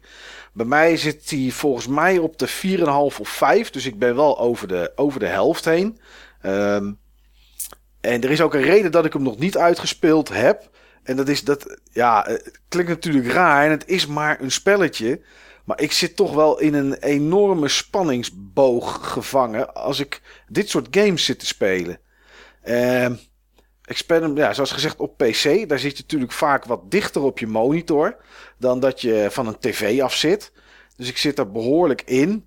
Uh, dan heb ik ook nog eens een headset op waar het volume eigenlijk op zijn maximaal staat. Ja, en dan zit ik een beetje voorover gebogen, want ik zit toch een beetje in spanning. En die hele setting bij elkaar, zeg maar, ja, die, ja, ik weet het niet. Dat maakt het voor mij toch wel, toch wel echt spannend. En dat is raar. Een, oude man, zeg maar, die, die zo, ja, bang is het niet. Maar toch een beetje in angst zo'n game zit te spelen. Maar op een of andere manier doet dat het met me. En ehm, dat maakt er ook voor dat mijn, mijn hartslag standaard wel, eh, nou ik zal niet zeggen 10%, maar wel wat opgeschroefd is. En ja, na een slordig uur, anderhalf uur, moet ik gewoon echt even stoppen, want dan word ik er gewoon moe van. Dat is, dan zit ik te veel in spanning. Maar goed, um, ja, Resident Evil 7 is, uh, ja, we mogen niet zeggen dat het een, het is geen re ja, misschien is het wel een restart of reboot van de serie. Ik denk dat je hem een beetje hetzelfde moet zien als deel 4. Uh, je had natuurlijk 1, 2 en 3 en je had Zero. Uh, volgens mij had je nog, nog één deel op de Dreamcast. Die een beetje allemaal op dezelfde manier werkte. Waar het vooral zombies waren die je tegen je kreeg. En uh, ja, bij deel 4 was het toch echt meer ja, geïnfecteerde mensen. En in, de, in dat Spaanse dorpje uh, waar het dan begon. En daar was het ook vooral uh, veel tegenstanders. En nu bij deel 7 is het eigenlijk wel heel erg teruggeschroefd. Um, het, het, aantal tegenstanders is, is een heel stuk minder dan in, in 4, 5 en 6. Maar het lijkt toch ook wel weer op 1, op bepaalde vlakken. Um, het gaat over, uh, jij speelt Ethan. En je bent een, uh, een, een, manpersoon. En jouw vriendin die, uh, ja, die is vermist. En ehm, drie jaar nadat je iets van haar gehoord hebt. En dus eigenlijk ervan uit bent gegaan dat ze dood was. Krijg je in één keer een berichtje dat ze, dat ze, ja, dat ze je hulp nodig heeft. En of je haar op wil komen halen. Nou ja, goed, dat is een vrij kort vreemd berichtje. Ja, goed. Uh, die kerel heeft niet zoiets van: hé, uh, hey, dat is vreemd, laat ik dat niet doen. Of hé, hey, laat ik de politie bellen. Nee, die stapt in zijn auto, die rijdt uh, naar het adres toe wat, wat opgegeven is. En dat is het huis van de Baker Family. En de Baker Family, ehm, ja, zoals in het begin verteld wordt, dat is waar jouw vriendin Mia, waar die zeg maar een soort van babysitter was. En. Ehm, ja, dat Baker Family bestaat nu nog maar uit uh, man, vrouw en zoon. Uh, er is, wel iets met een dochtertje geweest, maar zoals het woord geweest al zegt, is dat geweest. En um, ja, wat, waar, de game heel erg veel op Resident Evil 1 lijkt, is dat het zich ook weer in een huis afspeelt met een beetje alles wat er omheen zit. Het is een huis dat zich uh, langzaam ontvouwt. Er zijn deuren waar je in het begin niet doorheen kan. Met een schorpioen erop. Of met een kraai. Uh, met een slang. Allemaal dierendingen, zeg maar. Um, en, en ja, daar heb je de speciale sleutels nodig die daarbij horen. Nou, dat is natuurlijk wel heel erg klassiek Resident Evil. Je hebt uh, deuren waar bijvoorbeeld uh, drie hondenkoppen op moeten. Nou, die moet je natuurlijk gaan verzamelen. Nou, hoe Resident Evil 1 wil je het hebben? Dat was iets wat daar natuurlijk ook in, gebeurde. En uh, ja, wat, wat dat betreft lijkt de game dus best wel op, op, op de eerste uit de reeks. Um, in het tweede gedeelte, zou de game zeg maar in drie gedeeltes kunnen opdelen. In het tweede gedeelte uh, verandert de gameplay wat vergeleken bij het eerste gedeelte. Het eerste gedeelte is ja, vooral op je hoede zijn en zorgen dat je je headshots maakt. Want ondanks dat, het, uh, dat er minder tegenstanders zijn, uh, zijn headshots en dat soort zaken nog steeds erg van belang. Maar in het tweede deel wordt het wat meer ontwijken. In het tweede deel van de game. Omdat ja, soms zijn dingen niet te slopen. En het, het, het, derde deel wat daarna komt in de game, dat wordt wat meer met puzzels en een soort escape room-achtige dingen. En wordt iets meer actie georiënteerd van tijd tot tijd. En ondanks dat dat bij Resident Evil 6 um, iets was wat verschrikkelijk was, dan had je drie, ook volgens mij drie onderdelen. En dan liep je op een gegeven moment zelfs met een machinegeweer door de straten heen en te maaien. Nou, dat is hier niet, gelukkig. Um, maar ja, er, zit toch, er zitten toch wel verschillende soorten, verschillende soorten gameplay in.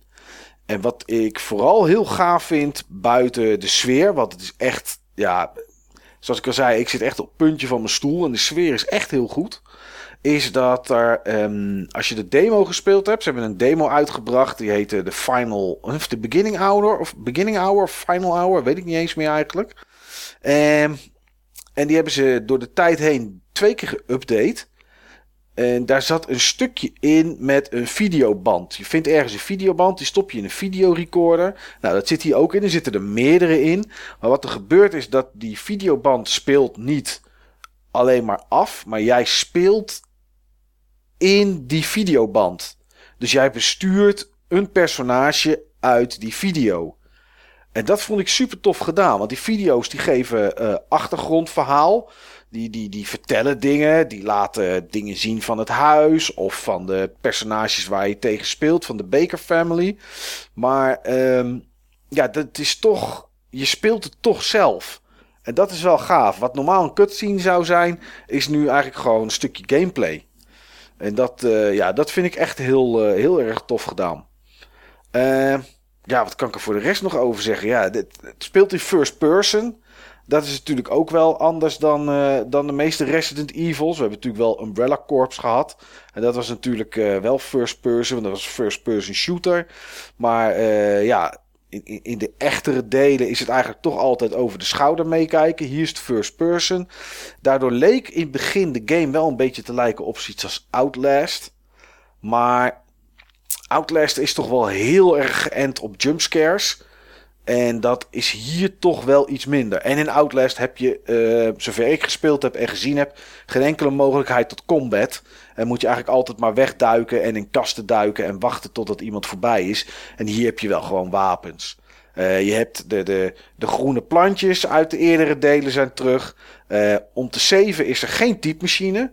De game doet wel automatisch saven, maar er is een, een, een cassette recorder. Dus ze hebben de typewriter hebben ze vervangen voor een cassette recorder. Daar heb je dan ook geen bandjes voor nodig. Of, of wat je vroeger had, linten zeg maar, bij de typewriter. Bij de typemachine, goed Nederlands. Um, dus dat, ja, dat, dat, zit er, dat zit erin. En er zit een, hele toffe soundtrack, moet ik zeggen. De, de, je hoort hem eventjes tijdens, uh, tijdens de intro van de game. En ook tijdens de game hoor je hier en daar hoor je die soundtrack. En uh, ja, die vind ik ook echt heel gaaf. Heel tof nummer is dat. Dus uh, ja, het is eigenlijk wel een compleet, uh, compleet pakketje. Het enige is dat richting het einde, maar goed, zover op dat punt ben ik nog niet. Schijnt dat het wat herhalend wordt en dat dat het iets mindere gedeelte is van de game. De eerste 6, 7 uur schijnen het beste te zijn en later wordt het iets minder. Maar goed, ik heb ook mensen gesproken die daar geen last van hadden en die dat eigenlijk niet zo was opgevallen. Dus ehm, ja, hoe dat in elkaar steekt, weet ik nog niet. Daar, eh, ja, daar, moet ik, daar moet ik nog op terechtkomen. Uh, boss battles zijn tof, die ik tot nu toe gehad heb. Ja, het is eigenlijk gewoon een hele, hele, hele toffe game, Resident Evil 7. Dat, uh, dat is goed om te horen. Ja. Ik vroeg me eigenlijk af, Mike, weet jij of dat Resident Evil fans dit ook een goed deel vinden? Ja, ik, weet je, Resident Evil fans gingen natuurlijk al een beetje over hun nek bij deel 4. Daar waren, ze, waren Resident Evil fans natuurlijk al, al, een beetje van, ja, dit is geen Resident Evil. Uh, ik, ik, ik denk, zeg maar, als, als, iemand, als iemand een Resident Evil fan zou zijn die zegt tegen mij van, ja, dit is geen Resident Evil, dan denk ik dat ik zou zeggen, ja, gast, ga gewoon met je tijd mee en zeik niet. Want een Resident Evil 1 of 2 of 3, uh, los van de tank controls, maar gewoon de manier hoe die games waren opgebouwd met, met ruimtes die meestal op één scherm pasten en dan liep je weer naar het volgende. En dat, dat kan niet meer. Die tijd is gewoon geweest. Ik snap dat Resident Evil fans deel 5 en 6 niet goed vonden. Dat vond ik ook echt niet goed. Dat was me echt meer een actiegame dan een horror survival game. Hij was, ja, waren de eerdere delen ook wel wat meer actie dan echt puur horror survival. Maar ik, ja, weet je, ik vind, ik, vind, ik vind het in ieder geval echt een goede Resident Evil. Ja, had het ook een andere uh, game kunnen zijn? Had het ook een andere naam op kunnen plakken? Dat vertel ik niet, want dan, dan spoil ik misschien iets. Maar in theorie, okay. ja, misschien wel. Misschien had dat wel gekund. Nou ja, maar... de reden dat ik het ook vroeg was omdat ik vaak denk dat veel Resident Evil fans het spelen voor uh, Chris Redfield, Jill Valentine, Albert Wesker. Die bekende ja. karakters waar ook elke keer die games vaak over gaan. Ja. En dit leek wel alsof het helemaal los stond van dat universum. Um, er zit ergens wel iets in, maar dat is ook echt alles. Oké. Okay. Dus 99,5% staat los van alles wat je kent van Resident Evil. Dat klopt. Ja. Ja, is het daarom minder? Nee. Zeker niet. Ik vind het een, uh, een hele sterke game. Uh, inmiddels is de eerste DLC al uit. Uh, en er komt, nog, er komt nog meer DLC aan. Vind ik wel wat snel. Maar ja, aan de andere kant.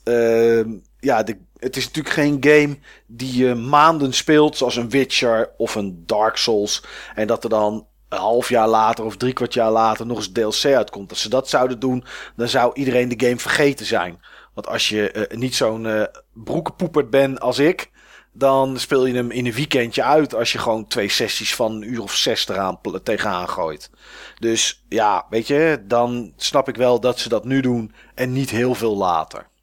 Maar mocht je de kans krijgen om hem te spelen, dan zou ik dat uh, zeer zeker doen. Ik, ik, lees wel ook dat de VR uh, op de PlayStation, uh, PlayStation 4 wel iets toevoegt. En er zitten ook wel momenten in dat je denkt: oké, okay, dit is voor VR gemaakt. ja. een, een mes dat op je gezicht afkomt en dat soort dingen. Ja, dan weet je: oké, okay, dit is dit is voor VR. En dat, ja, dat heb je in, in de bioscoop ook met een 3D-film die je in 2D kijkt. Uh, als je iemand weg ziet rennen in het zand en je ziet wat zand opspatten, dan weet je ook van oké, dit is gedaan voor 3D, zodat dat, hè, zodat dat lekker, uh, lekker op je afkomt of, uh, of wat dan ook. Ja, goed, dat zit hier ook wel in. Maar voor de rest, ja, prop voor Capcom. Het is jammer dat de game niet zo goed verkoopt als ze zouden willen. Maar uh, er zijn er 2,5 miljoen verscheept. En dat uh, is toch blijkbaar nog niet genoeg. Maar ik, uh, ja, ik, ik vind het echt een heel goed deel. Ik overweeg hem een keer te spelen voor de VR. Oké. Okay. En ik ben waarschijnlijk nog scheideriger dan jij. maar het levert vast goede verhalen op. Ja, dat denk ik ook wel. Ja, zeker het begin, zeg maar. Het begin is echt ijzersterk. dat is ja, met hele, hele toffe eindbaasachtige dingen erin. Dat is wel, uh, ja, het, het, brengt iets, het brengt echt wel iets teweeg. Dat moet ja. ik zeker zeggen. Goed, um, ja, we gaan het eh, vandaag hebben over console launches. En dan vooral console launches die wij zelf hebben meegemaakt. eh, hoe we die mee hebben gemaakt. eh, wat voor games we daarbij gekocht hebben. Dat soort zaken. En eh, ja, dat is het, eh, het hoofdonderwerp van vandaag. Ehm, ik ga even wat te drinken pakken, jongens. Dus laten we even een kleine break doen. En dan eh, gaan we eens kijken hoe wij eh, de lanceringen van consoles hebben beleefd.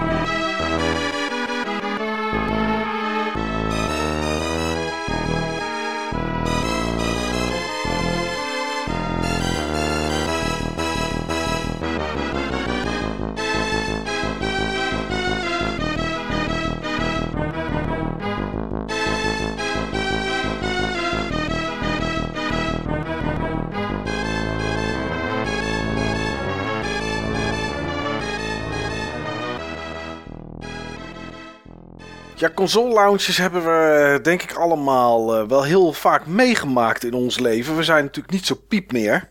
En ehm, dat klinkt natuurlijk niet zo, klinkt natuurlijk niet zo heel erg aantrekkelijk. Maar daarvoor hebben we wel ervaring natuurlijk, mannen. Dat is natuurlijk wel lekker. En we voelen ons nogal piep. Nou zeker, zo, eh, dat sowieso. Ik ben in de beste fysieke staat van mijn 37-jarige leven. Oké, oh, dat is wel goed om te horen, Steve. Ik heb dat ook. Ehm, maar goed, eh, ja, daar gaat het nu niet over. Dat is, eh, daar zijn andere podcasts voor, eh, waar ze over fysieke staat en voeding praten. En dieetkuren en zo. Ja, precies, dat soort, dat soort dingen. Dan moet je bij onze collega's van Praatje Podcast zijn. Die, die hebben het daar wel eens over. Maar ehm, ja, er, er zijn zoveel lanceringen geweest van consoles die wij hebben meegemaakt, dan wel eh, gekocht hebben, dan wel vanaf de zijlijn bekeken hebben. En vandaag eh, wilden we eigenlijk eens herinneringen ophalen over eh, lanceringen die we gehad hebben, ja, of meegemaakt hebben van een console. Wat hebben we gekocht? dat soort dingen allemaal. Maar voordat we eraan gaan beginnen, jongens, ben ik eigenlijk wel benieuwd. Niels, ben jij iemand die vaak op de launchdag een console koopt? Of, of kijk je toch vaak even de kat uit de boom? Ik heb daar dus voor dit topic ook over na zitten denken. En het is ongeveer 50-50. Oké, oh, dat is best redelijk. Kijk, vooral in het begin had ik ze niet op launchdag. Nee, Omdat ik toen afhankelijk was van mijn ouders. ja, En omdat ik vaak ook niet wist wanneer een launchdag zou zijn. Maar we kennen allemaal mijn verhaal inmiddels denk ik wel van de Nintendo 64, die ik wel met launchdag heb gehad. zeker. Ja, Eh, maar nu ik eigenlijk altijd mijn eigen systemen koop, is het wel 50-50 ongeveer. oké. Hoe zit dat bij jou, Steve? Ja, ik ben wel iemand die vaak eh, voor de lunch te strikken is. Oké. Die, eh, die, die op de launchdag zorgt dat hij het apparaat heeft. Toch wel vaak. Ja, ja. Oké. Ja, ik zelf weet het eigenlijk niet. Ik kan me... eh, ja, ik... Het is denk ik ook 50-50 wel. Een beetje wat Niels heeft. Ehm, maar ik Niels ben... heeft dadelijk twee switches hè, met launch. Ja, één met die mooie rode-blauwe eh, controllers Ik eraan. kon niet kiezen, dan maar allebei. Ja, nou ja, dat is natuurlijk, eh, dat is natuurlijk ook prima. Eh, ja, zo kom je wel aan 50-50, Niels. Eh, zo kan ik het ook. Ja, dat telt als twee hè, twee switches. Ja, precies. Ja. Is het dan ook iets waar je ehm, ehm, op tijdens de aankondiging al besluit, Steve, om hem te kopen? Of wisselt dat nog naar de tijd toe? Of is er soms wel eens een launch geweest dat je dacht...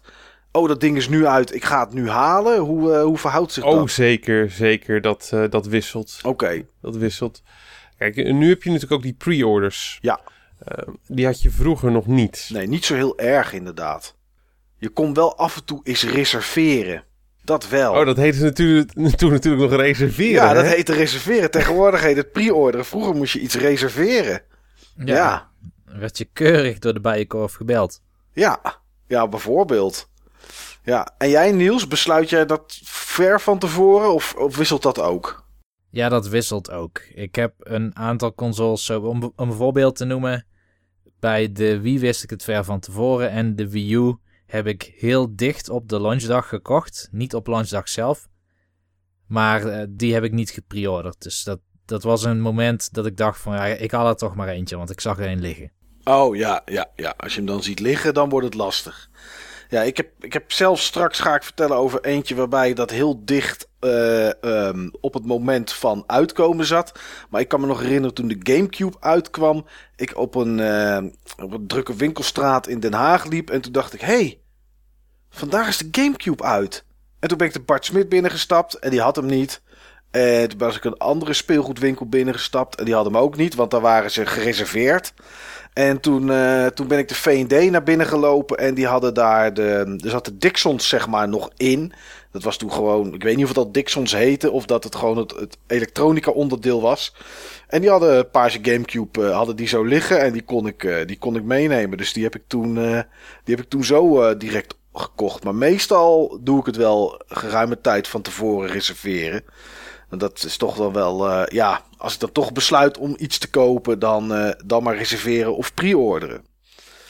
Eh, ja, Niels, laten we bij jou beginnen. Heb jij zo'n console met zo'n verhaal van een pre-order of misschien wel een spontane actie? Ehm, ik heb één verhaal met een pre-order en één verhaal dat ik hem voor de launch al had. Oké, En de reden dat ik deze twee systemen heb gekozen is omdat er één persoon centraal in staat. Of niet per se centraal, maar één persoon vormt wel een rode draad tussen die twee systemen. En die persoon kennen wij allebei. Eh, wie is wij allebei? Jij en ik. Jij en ik, inderdaad. Oké. En Steve kent die persoon niet. Als hij hem überhaupt kent, dan is het alleen van naam. Oké. Ik denk van niet, inderdaad. Nou, dat, Ik ken veel mensen hoor. ja, Steve is, eh, is een mensenmens, hè? Dat eh, was jij. Oh. ja, ik denk misschien kan ik het nog op Steve afschuiven. Nee, ik ben benieuwd. eh, eh, ja, ik weet niet welk verhaal je als eerste wil vertellen, Niels. Eh, Steek van wal. Oké, nou die key persoon Ja? heet Bart Verwijst. Oh, ja, die ken ik. Die ken jij. Ja, die- Die ken ik inderdaad niet. Nooit van gehoord. Bart Verwijst die werkt op dit moment bij Bethesda. Ja. En daarvoor voor Bandai Namco ja, als PR-manager, geloof ik. Ja, klopt. Daarvoor werkte hij bij Atari. Ja, En daarvoor was hij volgens mij eindredacteur van Game Party. dat weet ik niet zeker meer, maar volgens mij wel. Hij had in ieder geval iets met Game Party te maken. En dat was, eh, zeg maar, de IGN van Nederland. Ja, dat was toen best nog groot. Ik weet niet eens of het nog bestaat. Dat weet ik eigenlijk ook niet. Volgens mij is het, eh, is het er niet meer. Maar het had subdomeinen voor alle consoles die op dat moment uit waren en handhelds. Dat klopt. Ook- Gameparty.net bestaat nog. Oké, En het is nog met het oude logo met die soort van balletjes die in een cirkeltje draaien. Dus het, het is er nog. het bestaat nog. Nou ja, goed, ik ken hem in ieder geval uit die tijd. En ik weet niet meer precies... Oh jawel, ik weet wel waarom. ik, eh, Sorry. ik zit op gameparty.net te kijken en daar staan drie artikelen van Eefje Schietgat. Ja, dan moet ik toch lachen. Ik zie iets met pingpongballen en dat soort dingen zie ik gelijk voor me. Eefje Schietgat, schitterend. die naam komt me wel ergens bekend van voor nog. En Bas van Dun, nou die ken ik dan wel. Ja, ja. Eefje Schietgat. Oké, sorry. Sorry dat ik interrumpeerde. Ik heb eh, heel erg lang geleden eens wat artikelen geschreven voor Game Party. En dat kwam omdat ik ook wel eens Gamecube-titels importeerde. Oké. En dat waren dan titels die pas over een jaar of zo in Europa uit zouden komen. En een soort import preview. was wel iets wat ze daar konden gebruiken. En Ja. het eerste systeem waar ik het over wil hebben is de Nintendo DS. Oké. Want die had ik via Bart Verwijst nog ruim voor de launch. Hoe kan dat dan? Omdat hij ze eh, geïmporteerd had uit Amerika. Oh, Zo simpel is het eigenlijk. oké. Uh, maar de reden dat ik het hier ook over wil hebben is... ehm, dit was dus een systeem waar ik heel erg benieuwd naar was. Omdat het iets heel aparts was. Iets met twee schermen. Het was voor het eerst een soort onbewezen hardware. Ja, Of onbewezen manier om games te spelen. Het had een hele rare E3 achter de rug. Waar het tegelijkertijd met de PSP werd gepresenteerd. Waar heel duidelijk was dat er een grote eh, performance kloof was tussen beide systemen. ja. En eh, de PSP had een eh, heel mooi scherm en was heel scherp. En de 3DS die had veelal nog 2D games en een Mario 64 poort die er minder uitzag dan de Nintendo 64 versie zelf. Maar voor wat voor reden dan ook, eh, vroeg Bart verwijst op een gegeven moment aan mij: Wil jij een Nintendo DS? Want ik ga ze uit Amerika halen. Dus ik zei: Ja, dat is prima. Welke spellen wilde ik erbij? Weet je, de Nintendo DS had helemaal geen leuke eh, launch games. Nee, hij was niet zo fan Dat van, klopt, eh, ja. van Nintendogs. Dat was niet eens een launch game, als ik me goed herinner. Is dat zo? Volgens mij kwam die pas veel later uit. Oh, ik dacht dat het, eh, ik dacht dat het in eh, Nederland eh, of in Europa wel een... eh, Ja, in Europa wel, maar hij had natuurlijk het veel eerder, hè? Nee, dat is, dat, is, dat is ook zo inderdaad. Maar ik kan me herinneren dat ik ook Nintendogs in eerste instantie in het Japans had. Hmm. En overigens nooit ook in het Engels verder. Maar Nee. die heb ik wel geïmporteerd, nog voordat die naar Europa kwam. Oké. Maar dat kon natuurlijk, want dat ding was regiovrij. Ja, dat ding was regiovrij. Die wel. Nee, ik zie inderdaad, het was eh, nergens een launchtitel Nintendogs. Oh. Nee, het, het systeem had hele vreemde launch titles. Ik weet in ieder geval wel dat ik toen aan eh, Bart Verwijst heb gevraagd of hij voor mij Mario 64 in ieder geval kon regelen. Ja, En eh, Feel the Magic. Ja. was een soort minigame compilation van Sega. Oké. Hele, hele, hele vreemde game. Het ging allemaal over daten. Oh ja, dat weet ik nog, ja.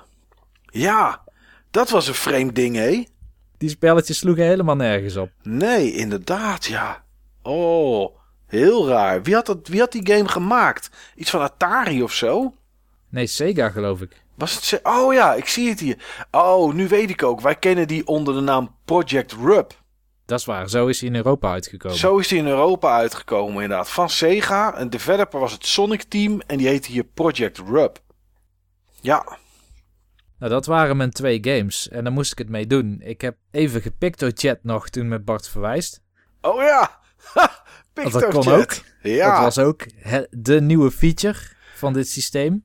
Oh ja, dat... tekenen op het scherm en daarmee chatten. Dat is heel fijn trouwens om... eh, want ik heb toen nog op mijn werk ook nog mijn DS mee gehad. En dan pictochatte ik met collega's in de stiltecoupé. Heel nerderig, maar goed. Ja, want dat was gewoon op, op, op een lokaal onderling netwerk, toch? Gewoon Ja. zeg maar, ja. Want ik kan me nog herinneren. Ja, ik wil het niet kapen hoor, Niels. Maar dit brengt zoveel herinneringen naar boven. Ik heb dit namelijk ook gedaan in het vliegtuig. Eh, ik weet niet waar naar welk land ik ging. Of, of weet ik veel wat. Maar er zaten allemaal. Ja, het is echt heel fout hoor, jongens. Maar goed, ik moet het toch vertellen. Er zaten allemaal kinderen. Ik was natuurlijk al wat ouder. Want het ding kwam uit in 2015. Dus toen was ik. pff, dat is 12 jaar geleden, zeg ik uit mijn hoofd. Ja. Dus toen was ik. eh, wat was ik dan? 26. En. Ja, er zaten allemaal kinderen, want je kon een chatroom of zo aanmaken, hè? En daar kon Ja. je dan, ja, en er zaten die kinderen zaten dat allemaal te doen. En dan ging ik piebels tussendoor tekenen. En die ging ik dan versturen. En als ik op zend drukte, deed ik snel met DS dicht. En dan ging ik kijken wat de reactie was van al die, al die zes en zevenjarige kinderen in het vliegtuig.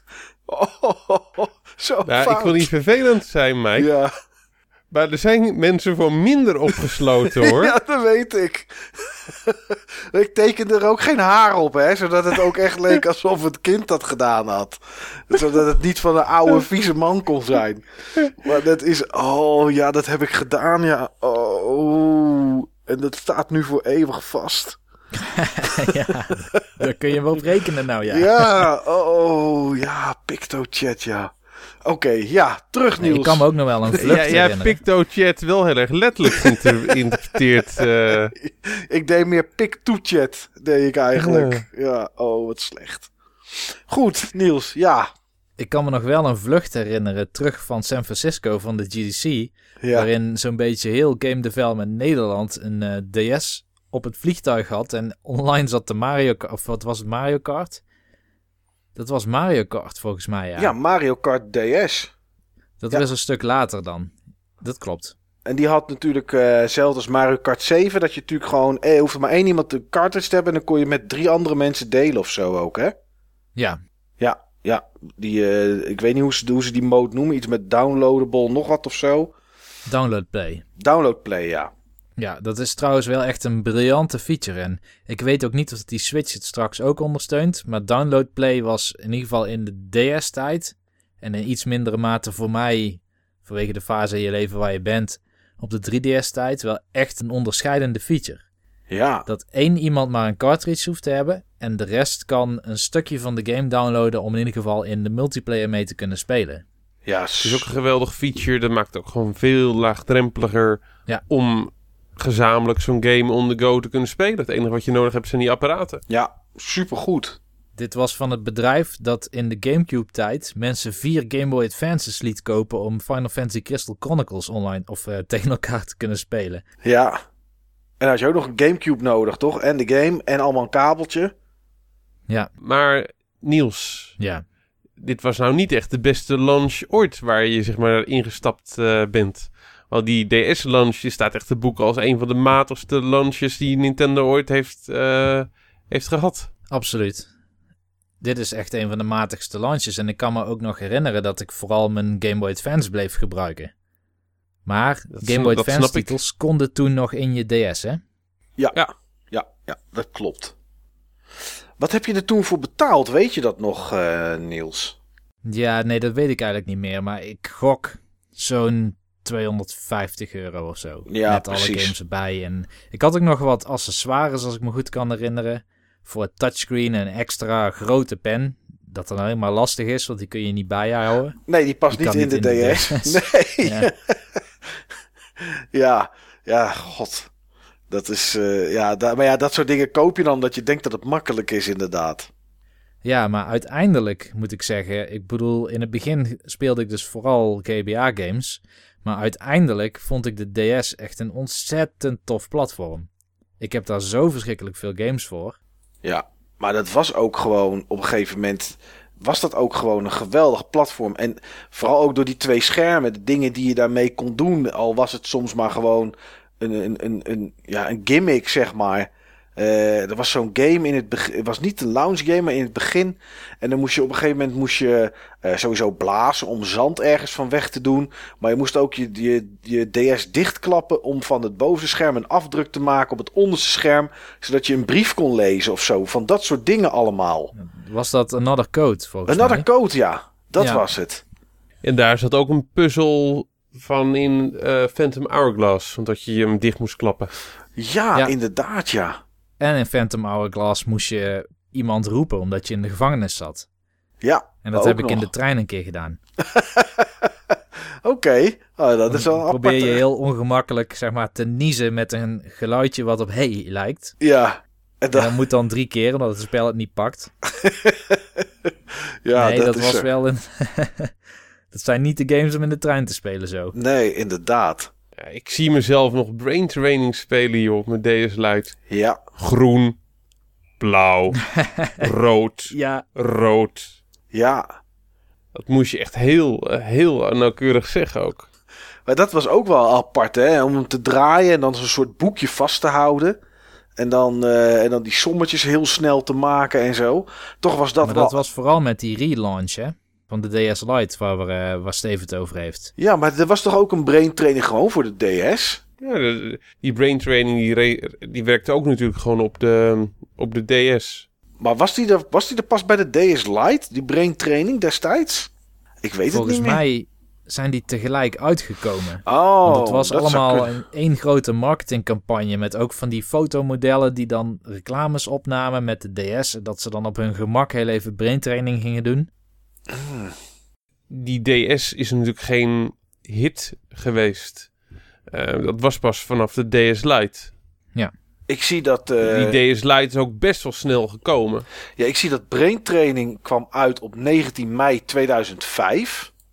Dus dat is wel eh, dat is vrij snel, want de Nintendo DS kwam uit in 2004. En de DS Lite kwam uit in 2006. Dus hij kwam toch eerder uit. Ja, hij kwam eerder uit, ja. Maar het was wel zo dat voor de, voor de, voor de DS... De DS was best nog wel lomp en log. En dat Ja. was best wel, best wel... Als je dat dan als een boekje vast moest houden... dan was dat best nog wel hinderlijk om dat, te- om dat te doen.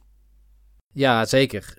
Die DS Lite, die vond ik fantastisch. Ja, Maar ze neelde echt het design uiteindelijk met die DSi XL. Die waren zo strak vormgegeven. Ja. Ja, die Wat was... dat betreft jammer dat dan de eerste 3DS weer zo'n lelijk apparaat was. Ja, toch vond ik, vind ik de eerste 3DS wel prettig qua formaat. Het is nog best wel handzaam. Ja, dat wel. Ja, Maar jij noemde net dat two-screen gaming. ja. Maar vergeet ook niet dat ook touchscreen gaming geïntroduceerd is met de Nintendo DS. Nee, is ook zo. Ja. Want toen had je nog geen iPhone. Nee, en de PSP had het niet. Nee, Die had inderdaad, wat je zei, een mooier scherm en betere grafische kwaliteit, maar die had geen touch. dus het heeft best wel veel gedaan ook voor games. Ja, En er zijn ook Dat nog een aantal... veel games ook best wel heel toegankelijk. Ja, daardoor kon weer een compleet nieuwe doelgroep aangeboord worden. En dat was ook het succes van Nintendo in die tijd. En ook echt andere games. ja echt hele andere dingen. strategy, strategy games die voorheen nooit zo lekker eh, werkten. Eh, van die teken games, van die rhythm games. Ja. Dat zijn allemaal dingen die toch echt wel... eh, ja, zonder die touchscreen minder snel het licht hadden gezien. Ja, iets openkrassen bijvoorbeeld, of dat soort dingen. Dat, ja, hè, dat, dat kon hij hier heel makkelijk mee. Als je het met een controller moest doen, sloeg dat natuurlijk helemaal nergens op. Gewoon met een D- met een D-pad. Hè, met D-pad om, om iets open te krassen of wat dan ook. En nu kon dat allemaal. Dus dat was best wel, eh, ja, dat was echt wel uniek. Ja, Ja, een mooie launch, wel een aparte eh, Niels. Omdat je natuurlijk, hoeveel, weet je nog hoeveel tijd je hem eerder had dan eh, dat hij hieruit kwam? nou dat is minstens een half jaar geweest. Maar ik weet het echt niet meer. Nou ja, dat is wel fors. Dan is dat Ja. wel. eh, ik, heb, ik heb namelijk ooit een keer de Game Boy Advance, het eerste model, heb ik de Japanse versie gekocht. En daar heb ik heel veel geld voor moeten bloeden. En die had ik maar een maand eerder dan dat die hieruit kwam. Dus dat was, dat was, dat was niet zo'n hele erg nuttige en slimme zet. Nee. Maar ja, goed, ik wilde het hebben. Dus dan krijg je dat wel eens natuurlijk. Maar ja, dat is eh, alles wat ik even kwijt wil over de Nintendo DS launch. Ja, En dan gaan we zo wel weer verder met de rode draad met Bart Verwijst. Ja, inderdaad. Die komt straks nog wel een keer terug. Ehm, ja, ik wil het hebben over een lancering van een, eh, een console. Geen handheld. Gewoon even onder de televisie. En dat is de launch van de Xbox 360. Ehm, dat was wel een aparte voor mij. Eh, vanwege ehm, ja, eigenlijk de aanloper naartoe. Het, het gebeurt tegenwoordig niet zoveel meer. Het is, vroeger gebeurde dat vaker. Maar de lancering van de Xbox 360 was zeg maar voor mij eh, geruime tijd van tevoren bezegeld dat ik die echt op de dag zelf wilde hebben. En dat kwam door de Game Expo 2005. Eh, tegenwoordig hebben we, de, ehm, hebben we First Look. Ergens in oktober, eh, twee dagen, tegenwoordig zelfs drie dagen. Het heet tegenwoordig First Look Festival. Vroeger had je dat niet. Ehm, in 2005 in ieder geval niet. En toen had je de Game Expo. En dat was mede mogelijk gemaakt door de Spits, door het krantje. En volgens mij zat er wel iets van Game Kings bij. En dat gebeurde altijd tijdens de HCC-dagen. De HCC-dagen waren dan in Utrecht in de, in de jaarbeurshal. En daar was eh, ja, vanaf 2003 volgens mij tot 2005 of 2006 was daar een gedeelte ingericht voor games. En ehm, ja, Microsoft had het eh, voor elkaar om daar een eh, behoorlijke stand neer te zetten met de Xbox 360 al voordat die hier uitkwam. En dat is iets wat we tegenwoordig natuurlijk niet zoveel meer zien. Als jij nu de Switch wil proberen voordat die uitkomt op 3 maart. Ja, misschien als je geluk hebt dat het ergens in een winkel kan als die ze eerder hebben. Maar dat is het dan eigenlijk wel. Eh, de PS4, idem Xbox One ook. Je krijgt echt niet meer de kans om dat ruim een beetje te spelen en te testen voordat het, voordat het echt uitkomt. Nou, in, de, in de jaarbeurs kon dat, want ze hadden gewoon echt een grote stand. En er stonden heel veel games. Uh, Gun stond er, Cameo, Quake. Wat stond er nog meer? Need for Speed en FIFA. Nou, er stond van alles. En ja, ik was daar een hele dag. Eh, om, om, om verslag te doen voor een website, website waar ik in die tijd voor schreef. xlive.nl. Dat was toevallig dan ook nog eens een website die alleen maar ging over Xbox.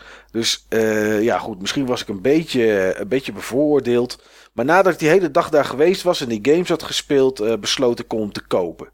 Nou goed, dat ik weet niet of het toen al pre-orderen, eh, pre-orderen heette, Steve. Maar je moest hem in ieder geval wel reserveren. Nee, dat heette pre-order. Je moest zelfs een pre-order pakket kopen. Precies. En die was 50 euro.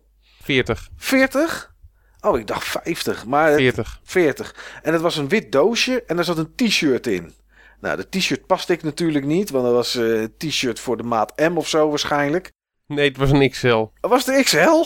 Nou, bedankt. Goed, lekker voor mijn zelfvertrouwen. Steve, jij mag niks meer over deze langs vertellen. Uh, nou, ik had hem te heet gewassen natuurlijk. Dat zal het geweest zijn.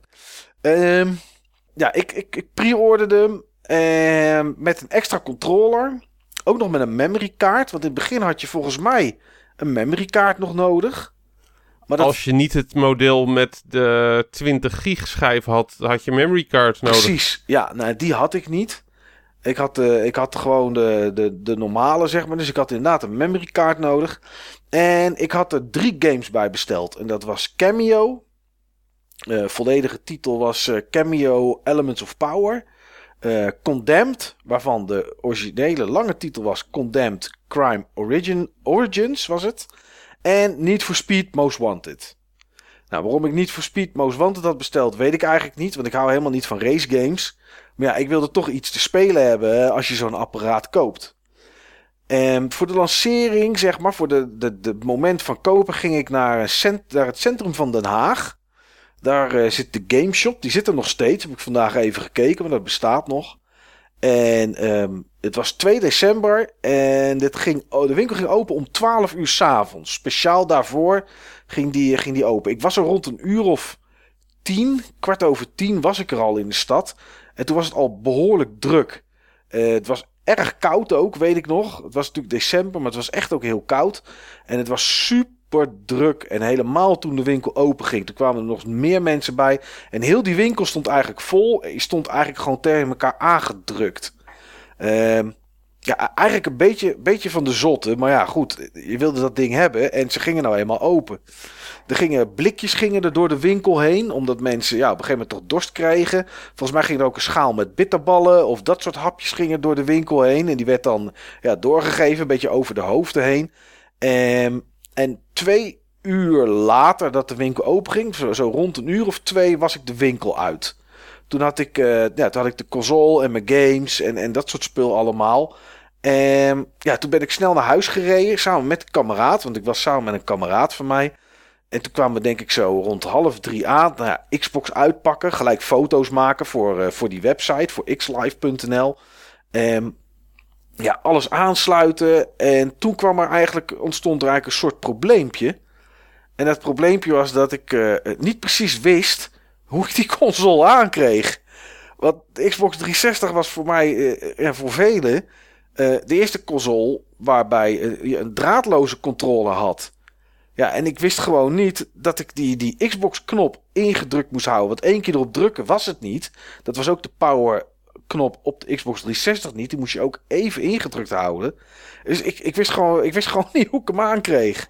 Nou ja, boekje erbij. Voelde heel kneuzig natuurlijk. Ja, goed. En daar stond het in dat je die even ingedrukt moest houden. En toen ging natuurlijk dat mooie magische lampje branden op je controller van welke speler je was.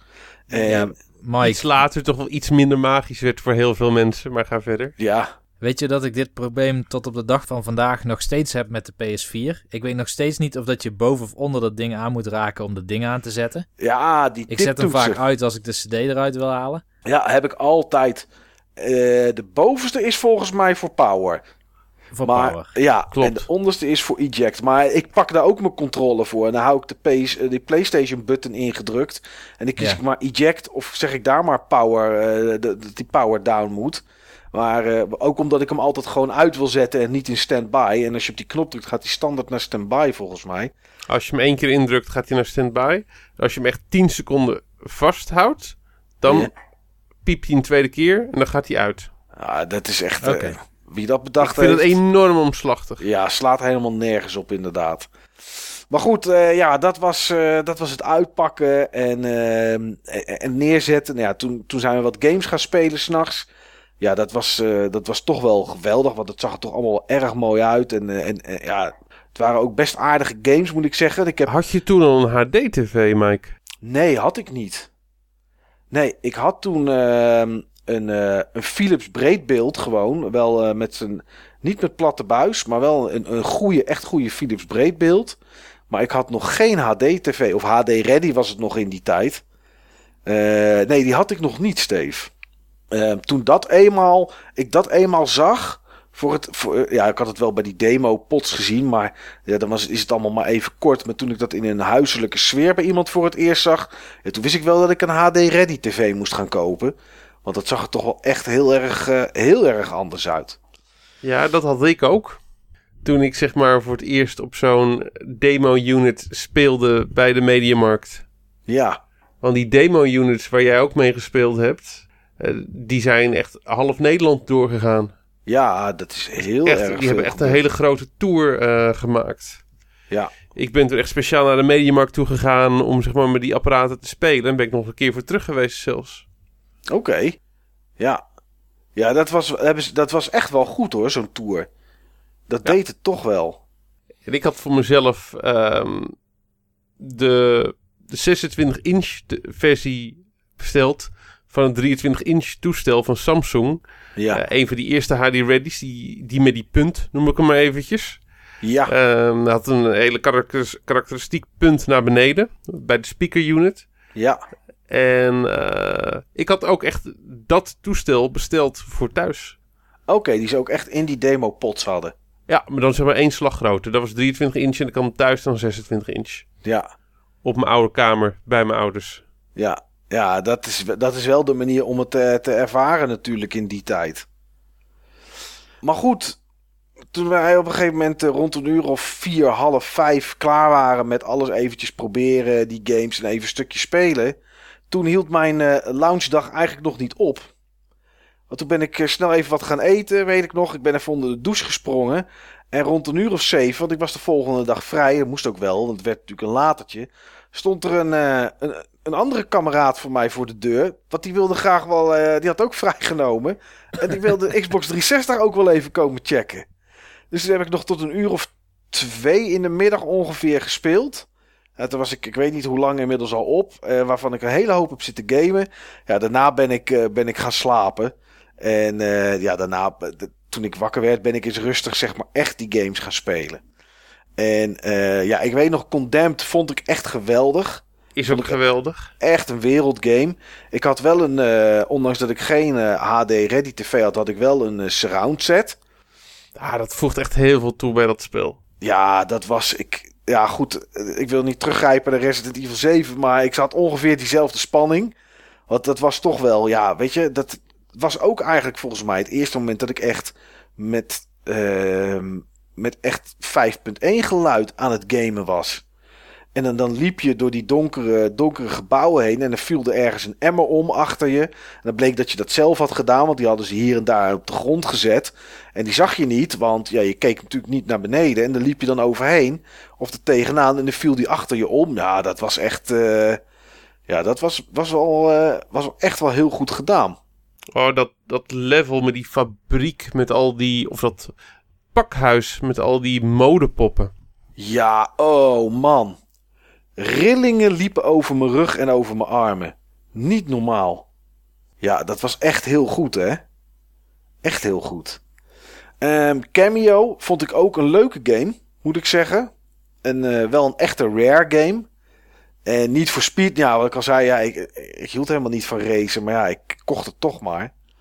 En ik had vandaag eens eventjes zitten kijken wat de reviewcijfers uiteindelijk waren van die titels. En zag ik dat Condemned, nou, een 8,1 scoorde die gemiddeld. Eh, Cameo een 7,9. En eh niet voor Speed zat op een 8,3. Dus dat waren nog best aardige, waren nog best aardige titels. Nou is vaak bij een launch heb ik het gevoel, tenminste in die tijd, dat het toch allemaal wel iets hoger kreeg.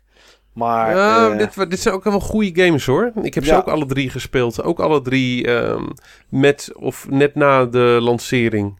ja, Dus ehm, je hebt echt wel, denk ik, een paar van die beste games eruit gepikt. ja, wat voor de rest was Amped 3 kwam zeg maar uit tijdens de launch. Call of Duty 2. Dat was eigenlijk de grote game, Call of Duty 2. Ja, die scoorde ook een 8,9 gemiddeld in de reviews. Maar ja, ik was toen nog zo dat ik zoiets had van... ja, first-person shooters ga ik echt niet spelen op een console. Eh, tegenwoordig kan ik het wel.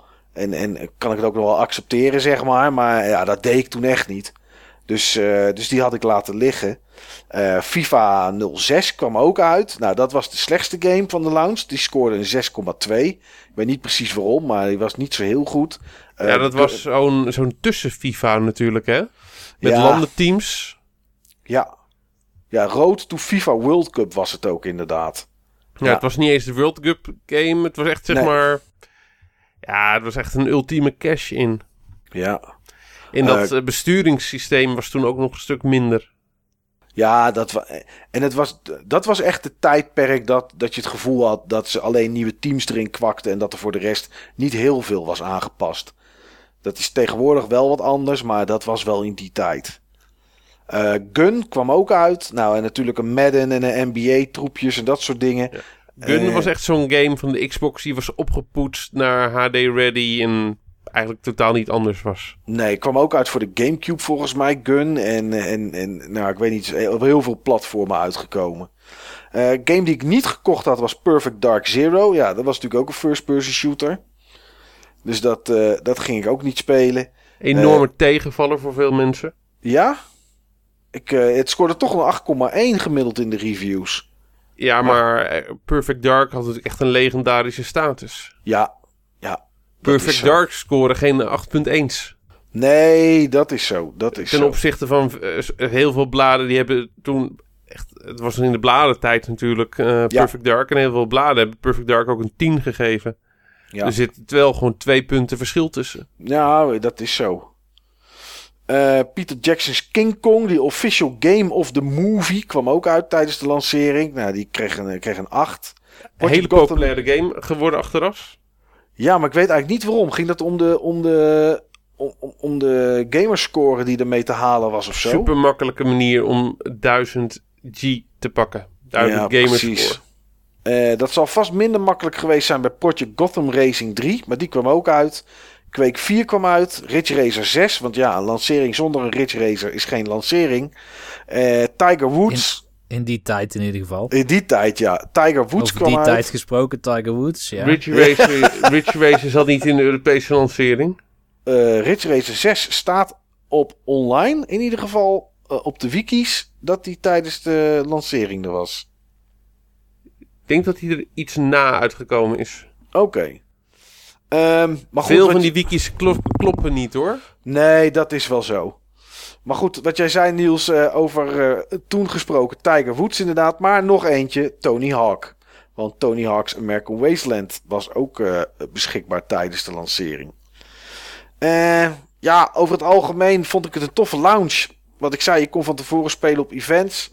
Er was eigenlijk best wel een ruime keuze aan games. Voor eigenlijk iedereen wel wat wils. Eh, shooter, eh Amped was er. Je kon FIFA, je kon platformen. eh, ja, eigenlijk kon je alles op de lancering. Eh, iets wat tegenwoordig nog wel eens wil ontbreken, moet ik, eh, moet ik zeggen. Dat er voor iedereen wat wils is. Eh, ja, en toffe titels, vond ik. Ik bedoel, ik vond in ieder geval de, de drie...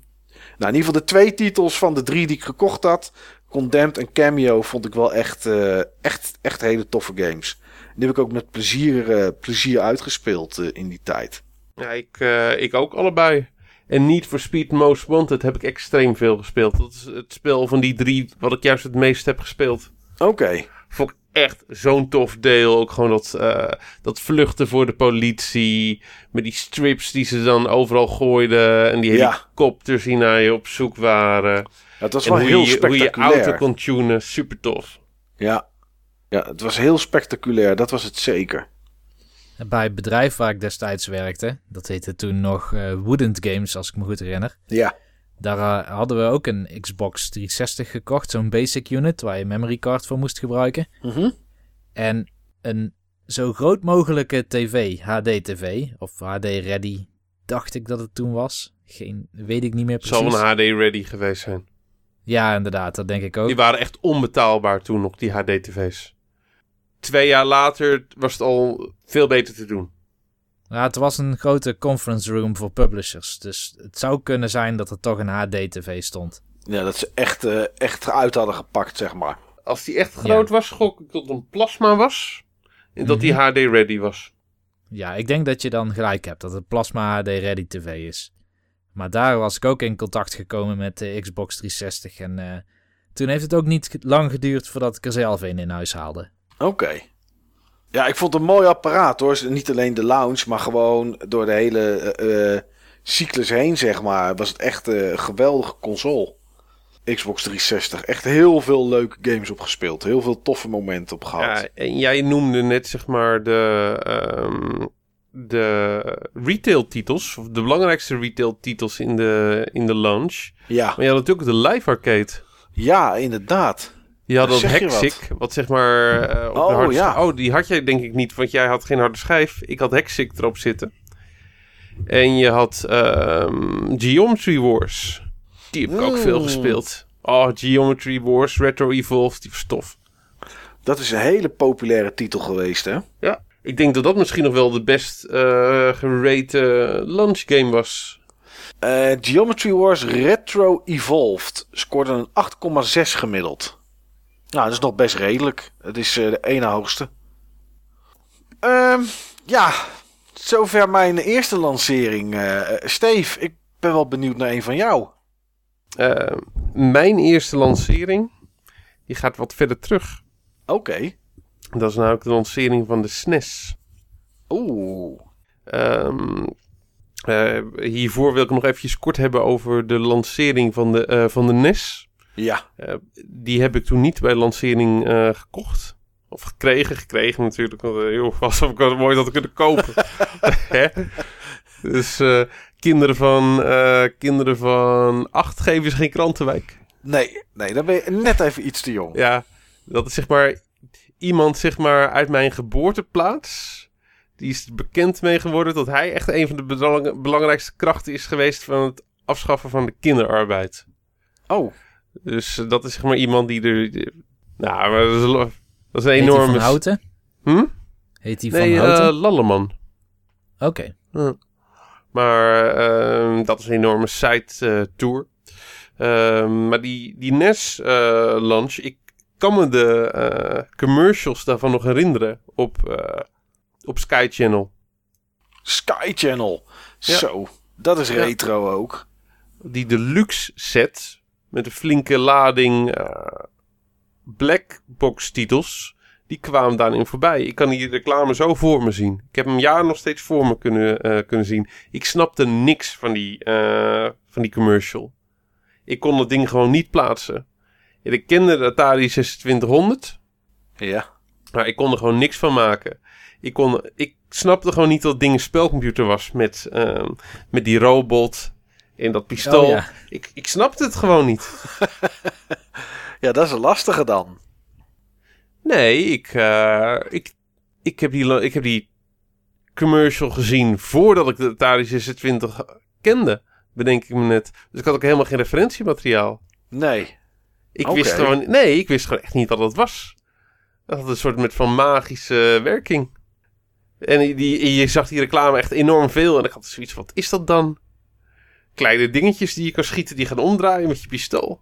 Ja. Dus wist ik Ik veel had van altijd dat, al een robot gewild, dus eh, ja, wist ik veel dat je zeg maar een, ehm, dat je op die manier interactie kon hebben met je, eh, met je tv. En ik dacht echt van dat je zeg maar met dat pistool dat deed op je tv. Dus maar ehm, dat was dus zeg maar mijn eerste lancering die ik ooit heb meegemaakt. Ja, Al dus vanaf niet- de zijlijn. Ja, half bewust, want ik al zei, ik wist niet eens wat het was. Nee. Maar ehm, de, echt, de eerste echte lancering die ik, ehm, die ik als consument heb, eh, heb meegemaakt, of beter gezegd, die mijn ouders dankzij mij als consument hebben meegemaakt. Niet je oma. Niet, nee, ja, die zal het ook wel aan gesponsord hebben. Ja. Ik denk dat het een joint venture was. Dat was de Super Nintendo. Oké. En eh, ik weet nog precies. De Bart Smit. Daar.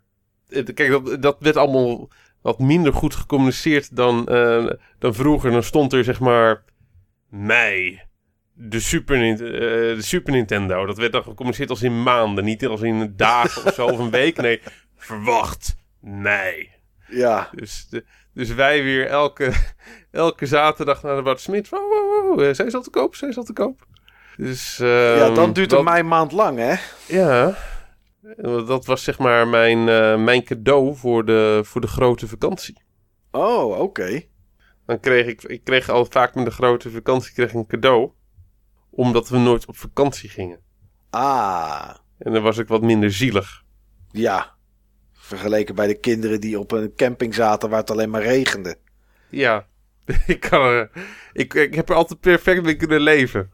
Ja, dat begrijp soort, ik. dat eh, soort verhalen inderdaad, ja. En Maar, zeker als je dit soort ehm, cadeaus kreeg. Ja, dus... eh, en op een gegeven moment stond hij daar hoor, bij de Bart Smit. De Super Nintendo. Mooie demo-unit. Maar nog niet te koop. Oh. Oké. Dus, eh, nee, nee, nee. Het is alleen een demo-unit, eh, mevrouw. Dus eh, ze, komen één, eh, ze komen één of twee weken later echt binnen. Dus eh, u kan hem nog niet kopen voor uw zoontje. Dus dan ging Steve weer met, eh, met eh, zijn mondhoekjes naar beneden naar huis. ja. Samen met mama. Misschien wel een, eh, een warme stroopwafel onderweg om de pijn een beetje te... Absoluut. En daar was ik ja. gek op, want als kind was ik best dik. Oké. Nee, er zijn aardig wat warme stroopwafels ingegaan. Oh, lekker man. Warme stroopwafel. Oh. Maar uiteindelijk, ja, toen wisten we dus wel wanneer ze kwamen. En dat waren ze hoor. De Super Nintendo's. Met wel geteld vijf spellen. Oké. Super Mario World, die erbij zat. Ja. Super Soccer. De FIFA, eh, dat was toen nog geen franchise of nog geen console franchise. Nee, volgens mij, dat kwam iets later volgens mij. Of, ja, en het is in ieder geval op de Mega Drive is het volgens mij eerst uitgekomen. Ja, FIFA 94 of zo, of 93. Ja. Maar in ieder 94 geval, was er ook voor de E SNES. Oké. Maar in ieder geval toen- als, voetbalgame, als voetbalgame had je Super Soccer. En dat was ook direct het minste spel eh, van, eh, van die launch. Want voor de rest had je F-Zero. Dat was in ieder geval in Amerika een launch title, maar was dat in Europa ook zo? F-Zero? Ja? Zeker weten. Oké. F-Zero, Super R-Type en Super Tennis. Dat waren de launch titles. Oké. En Oh ja, Super Tennis. Dat is een goede launch title. dat is een goede launch title. Nee, serieus. ja, Dat is super, echt- super Tennis is echt een eh, goed spel. Oké. Ja. Maar eh, ja, dat, dat ding ging dan eh, mee naar huis gewoon puur als het, als het basispakket. SNES, eh, Super Mario World en twee controllers. En eh, daar had ik genoeg aan. Ja, zeker. Met Super Mario World. Dat is... eh, Ik moet zeggen, veel van die wikis die kloppen gewoon eh, niet.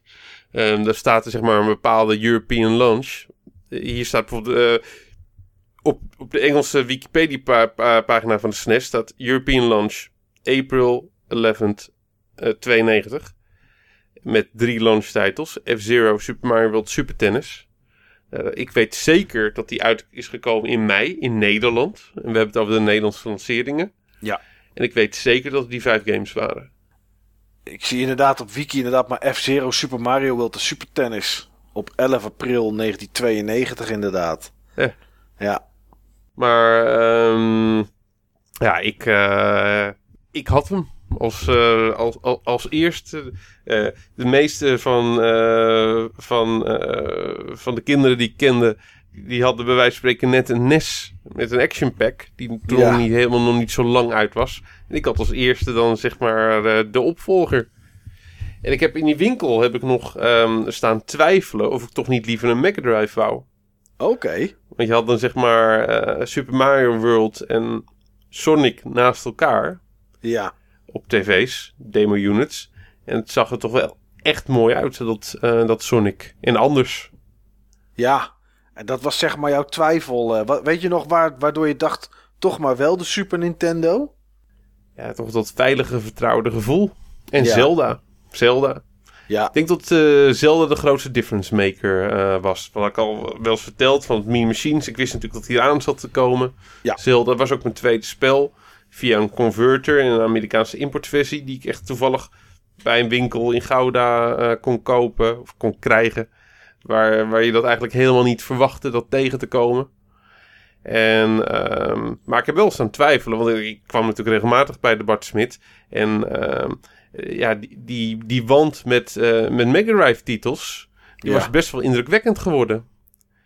En het was ook echt wel indrukwekkend. Die, eh, die, plastic, eh, die plastic hoesjes, die boxart, die vaak ook net even iets volwassener in elkaar eh, was, was gezet. Zag er allemaal wat donkerder en wat grittier uit. Wat, wat vaak wat meer fantasy-achtig. En eh, ja, je had, je had gewoon games die best wel cool leken. Ik kende dat ook niet. Dat was een soort met van de, de verboden vrucht. Ja. Dat was echt natuurlijk een beetje Nintendo fanboy ook in die Ja. tijd. En ehm, zo'n kind was ik wel. En, en, en toch, toch stond je dan stiekem naar die spellen te kijken en dacht, oh, is ook wel leuk. Toch hè? Maar Toch ja, is- daar- daar ging die mee naar huis, eh, de Super Nintendo. Dus eh, aangesloten op mijn eh 37 centimeter tv'tje in, eh, in je ja, in mijn slaapkamer. Ja.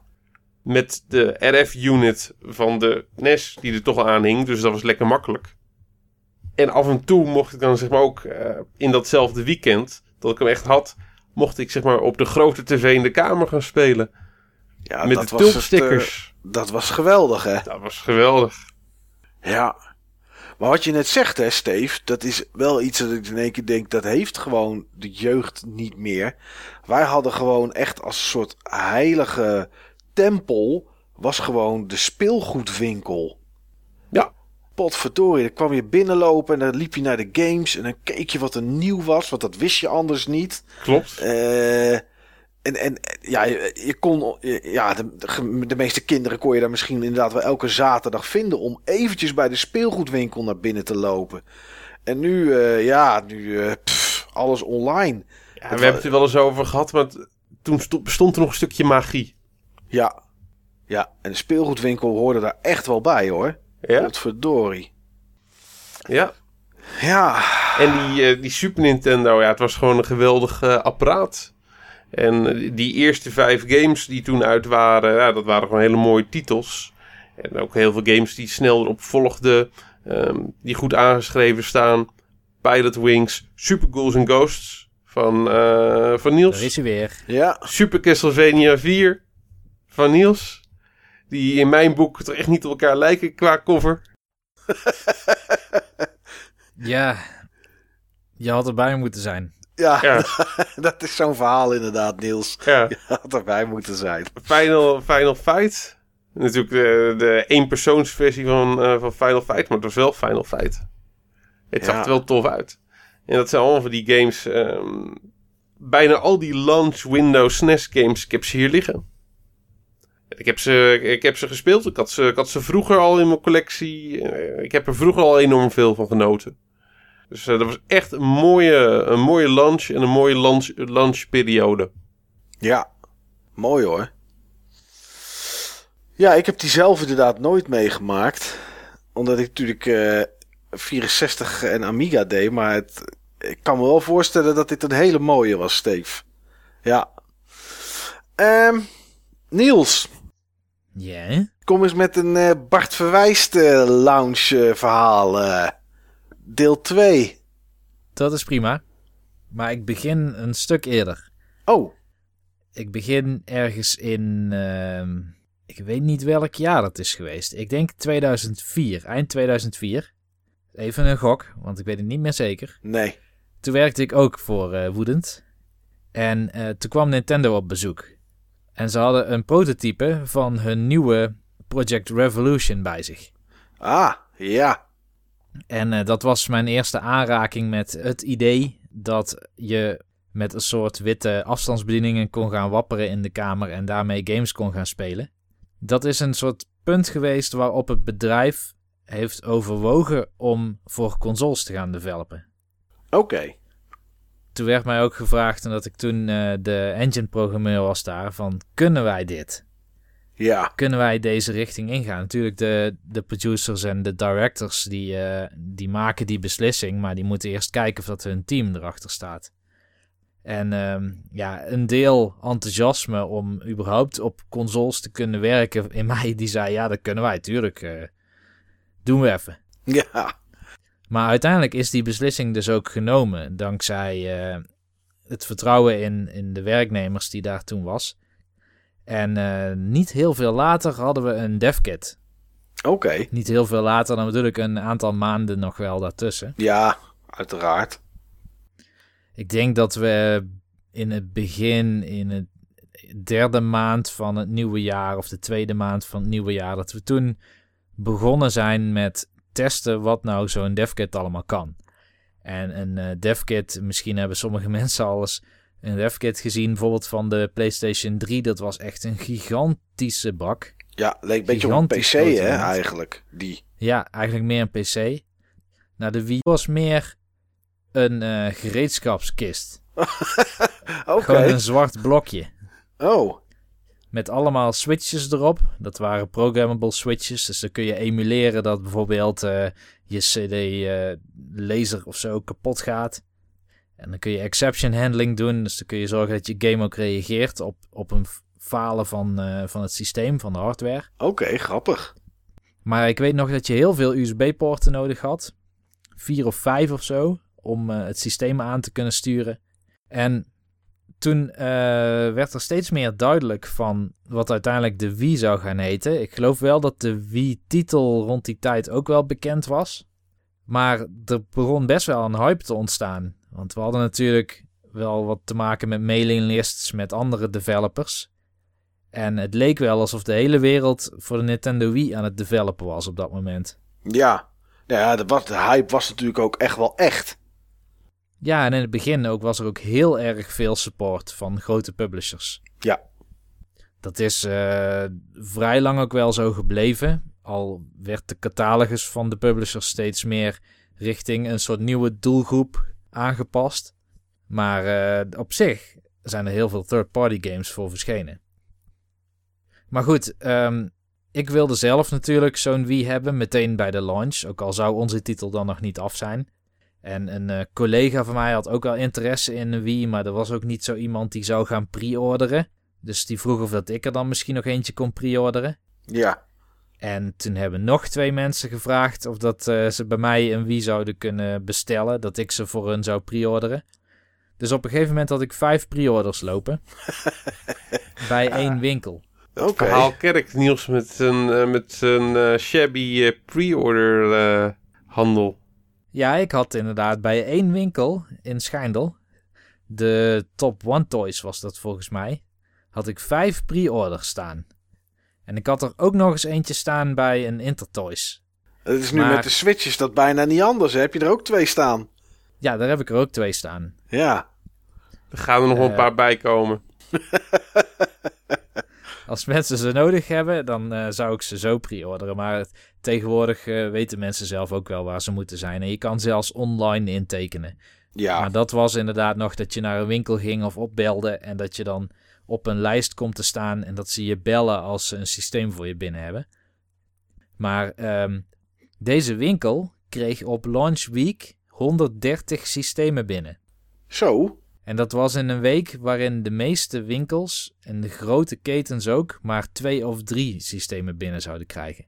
Hoe kwam het dat ze de 130 kregen dan, Niels? Want die dingen waren echt super schaars. Klopt. Ik heb dus dat gevraagd en die eigenaar die zei: Ja, ik heb ruim van tevoren alle le leveranciers gebeld. En ehm, ook nieuwe leveranciers aangeboord om die systemen te kunnen eh, importeren. Kijk, meestal heeft een, eh, een Intertoys of zo heeft gewoon één leveringskanaal. Tenminste, daar ga ik vanuit. Dat weet ik niet. Ja, het grote magazijn waarschijnlijk, punt. ja. Ja, En dit was echt een vrij ambitieuze ondernemer. Die dus zelf ook, ook in het buitenland bij leveranciers ging bellen. Of dat ze nog systemen konden leveren. Dus hij had heel veel leveranciers voor Nintendo Wii's. oké. En ik werd dus ook meerdere keren op een dag gebeld. Terwijl ik in Amsterdam aan het werk was. En dan belde ik mijn broer weer. En ik zei: Hey, er staat er weer eentje klaar. Haal hem maar op. Die is gewoon vier of vijf keer die dag naar de Top One Toys geweest om Wies op te halen. Ja, precies. En dan kreeg ik steeds weer een foto. En op een gegeven moment kreeg ik een foto met vijf van die dozen op elkaar. Maar dat was echt heel erg grappig om, om zo mee te maken. Zoveel van die systemen. En eh, wat wel grappig is, die ondernemer heeft het ook geprobeerd met de PlayStation 3, die later uit zou komen. Maar daar had hij toen weer veel te veel van. Want daar was in, in ieder geval in het begin niet zo'n extreem grote vraag naar. Nee. Er Wel was ook weinig bijzonders uit in eerste instantie. En die Xbox 360 had het gewoon goed gedaan. Dat ook, ja. De Xbox 360 kwam ook een jaar eerder uit, zo'n beetje. Ja, dat klopt inderdaad, ja. Maar eh, ik moet ook denken aan, eh, Steve die had het net over Xbox Live Arcade. Die bestond ook al, volgens mij, zo'n beetje rond de launch van de Xbox. En de Nintendo Wii, die had de Virtual Console, maar die verscheen pas later, als ik me goed herinner. Die was er, dacht ik, niet meteen bij. Dat durf ik echt niet meer te zeggen. Maar dat was ook wel iets aparts hoor. Die catalogus van eh, de Virtual Console, dat je een groot deel van de library in ieder geval, eh, dat werd heel langzaamaan gereleased, maar van de NES en de SNES, al die systemen, dat je daar gewoon bij kon Ja, via één nieuwe console. Dat vond ik toen in ieder geval echt ontzettend gaaf. Ik heb ook, Het ding is later gelanceerd. ja, daar dat meen ik me ook te herinneren. Ik heb minimaal 100 Virtual Console games op de Wii toen gekocht. oké, zo. elke week kwam zo'n release tabel welke nieuwe games werden toegevoegd. En zo heb ik ook kennis leren maken met de PC Engine. Dat was ook een systeem wat ze op den duur hebben toegevoegd. Ik heb bepaalde Commodore 64 games die ik vroeger nooit heb gespeeld via de Virtual Console kunnen ontdekken. Dus dat was echt een hele, hele gave service. Kijk, nu vinden we het normaal dat je ook ehm, op, op Xbox Live bijvoorbeeld, je kan ook Sega Classics kopen. Ja. En eh, op PSN ook. Ja, die zijn er gewoon Maar- inderdaad. de Nintendo catalogus, die kun je nog steeds maar op één systeem halen. Of op één eh, ecosysteem moet ik het noemen. Ja, dat klopt. Alleen bij Nintendo. Maar ik kan me nog herinneren, natuurlijk Wii Sports zat er gratis bij. Ja. Sorry, ik moet mezelf eventjes corrigeren. Ja, Ehm, hij was wel bij de lancering beschikbaar. Er waren 17 NES, SNES, Nintendo 64, Mega Drive en TurboGrafx game beschikbaar in Europa bij lancering. bij lancering al, wauw. Ja. Oké. Dat hadden ze wel goed voor elkaar dan. Dat hadden ze naar eh, hun standaarden heel goed voor elkaar inderdaad. ja. ja, goed dat je dat nog even erbij zegt inderdaad. ja, maar als je kijkt naar de Wii U, die had ook een virtual console. Maar hoe traag dat is gegaan. Ja, dat duurde lang. Ja, dat, dat duurde volgens mij, als ik me goed herinner, weken voordat ze op dat aantal zaten waar de Wii mee shipte. Ja.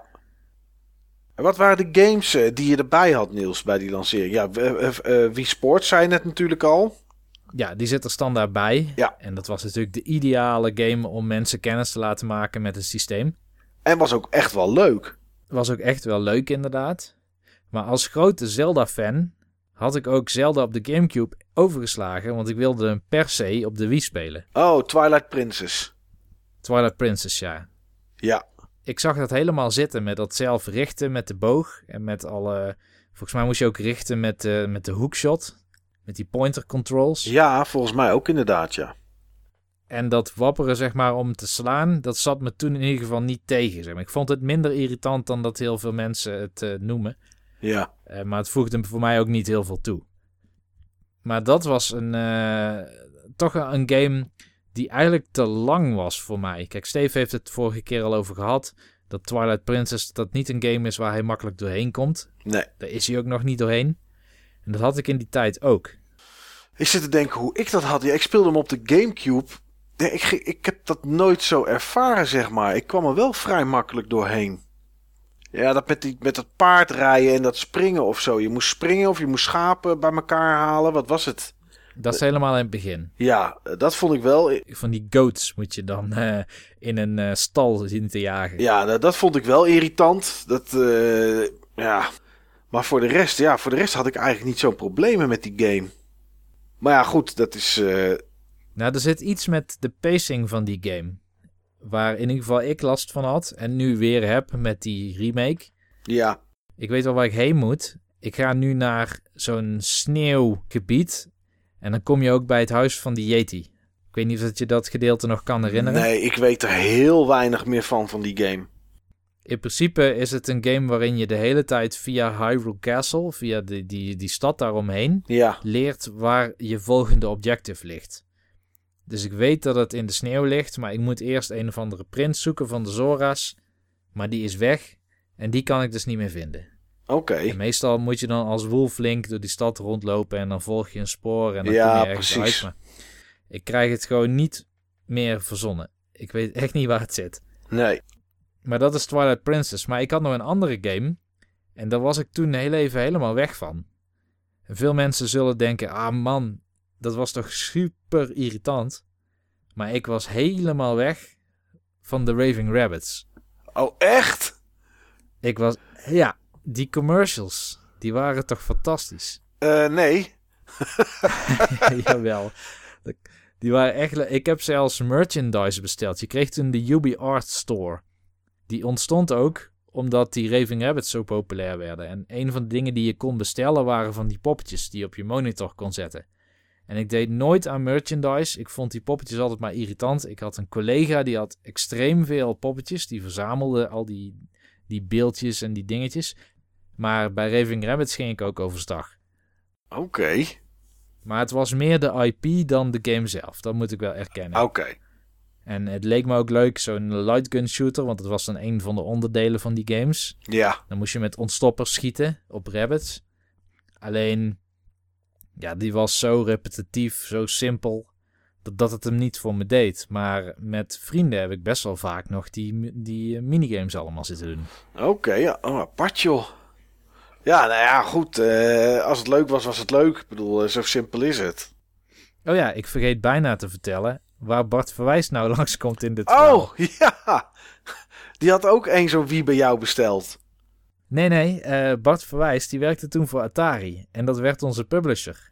Oh, van Woedend. Precies. Dus Bart Verwijs die kwam toen langs bij Woedend. En, maar dat was al toen we elkaar al heel lang niet meer hadden gezien. Dus hij herkende mij toen ook niet. Nee. Maar ehm, ik vind het wel grappig dat hij in zijn carrière een aantal van die touchpoints heeft. Ja. Waarin hij op een of andere manier mijn carrière raakt. Ja, dat is wel grappig. Ja, ja, inderdaad, het is dat je het zegt, want ik was al helemaal vergeten dat Bart hier eh, in dit verhaal natuurlijk een rol speelde. Maar eh, zo komt hij daar Hij dus was bij. toen betrokken bij de marketing. Oké, grappig.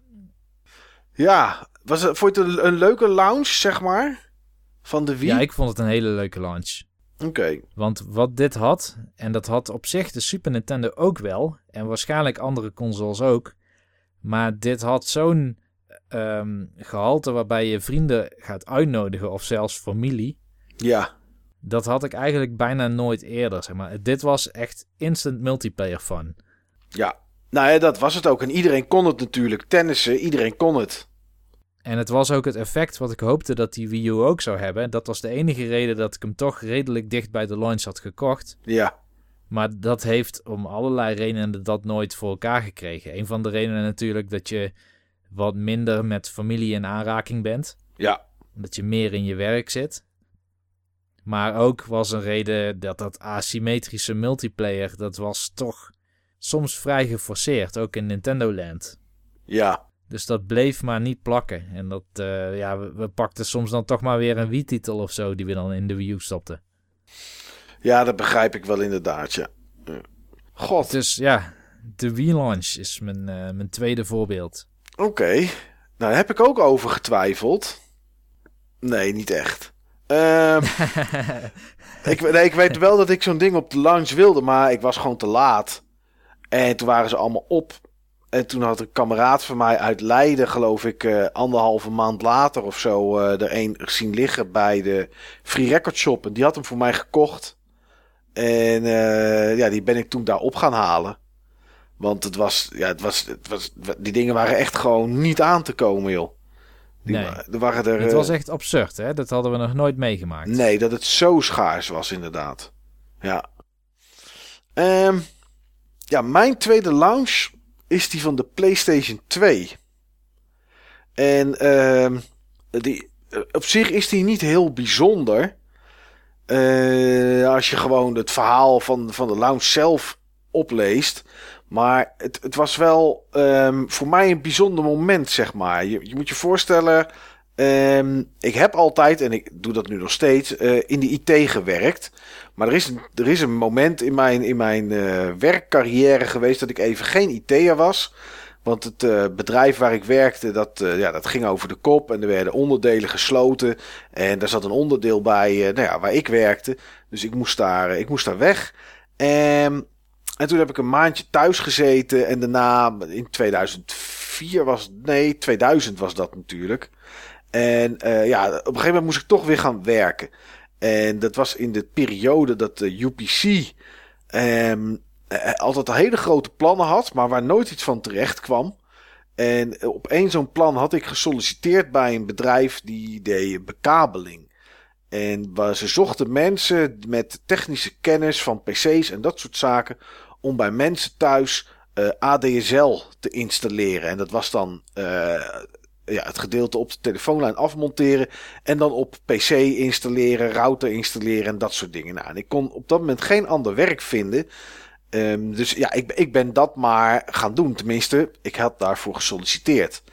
Alleen dat project van UPC werd uitgesteld. Maar ik was wel aangenomen bij dat bedrijf. En dat bedrijf deed eigenlijk voor de rest allerlei bekabeling. En toen heb ik daar vier maanden gewerkt tegen mijn zin in. Omdat ik namelijk eh, in de eerste week ergens in Den Haag onder een eh, systeemvloer van ongeveer een centimeter of 80, 90 hoog. ehm 12 hele dikke stroomkabels lag te tie-rappen. Terwijl er drie enorme airco's in mijn nek stonden te blazen op een meter of twee afstand.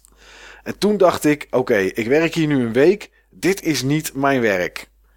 Ehm, als je altijd gewend bent om, op, eh, ja, om PC's te repareren of servers te installeren, netwerken eh, te bouwen. En je ligt dan in één keer ja, kabels te tie-rappen onder een systeemvloer. Ja, dan is dat niet jouw ding. Maar goed, ik moest, ik moest werk hebben. Want ja, ik kan niet altijd maar thuis blijven zitten.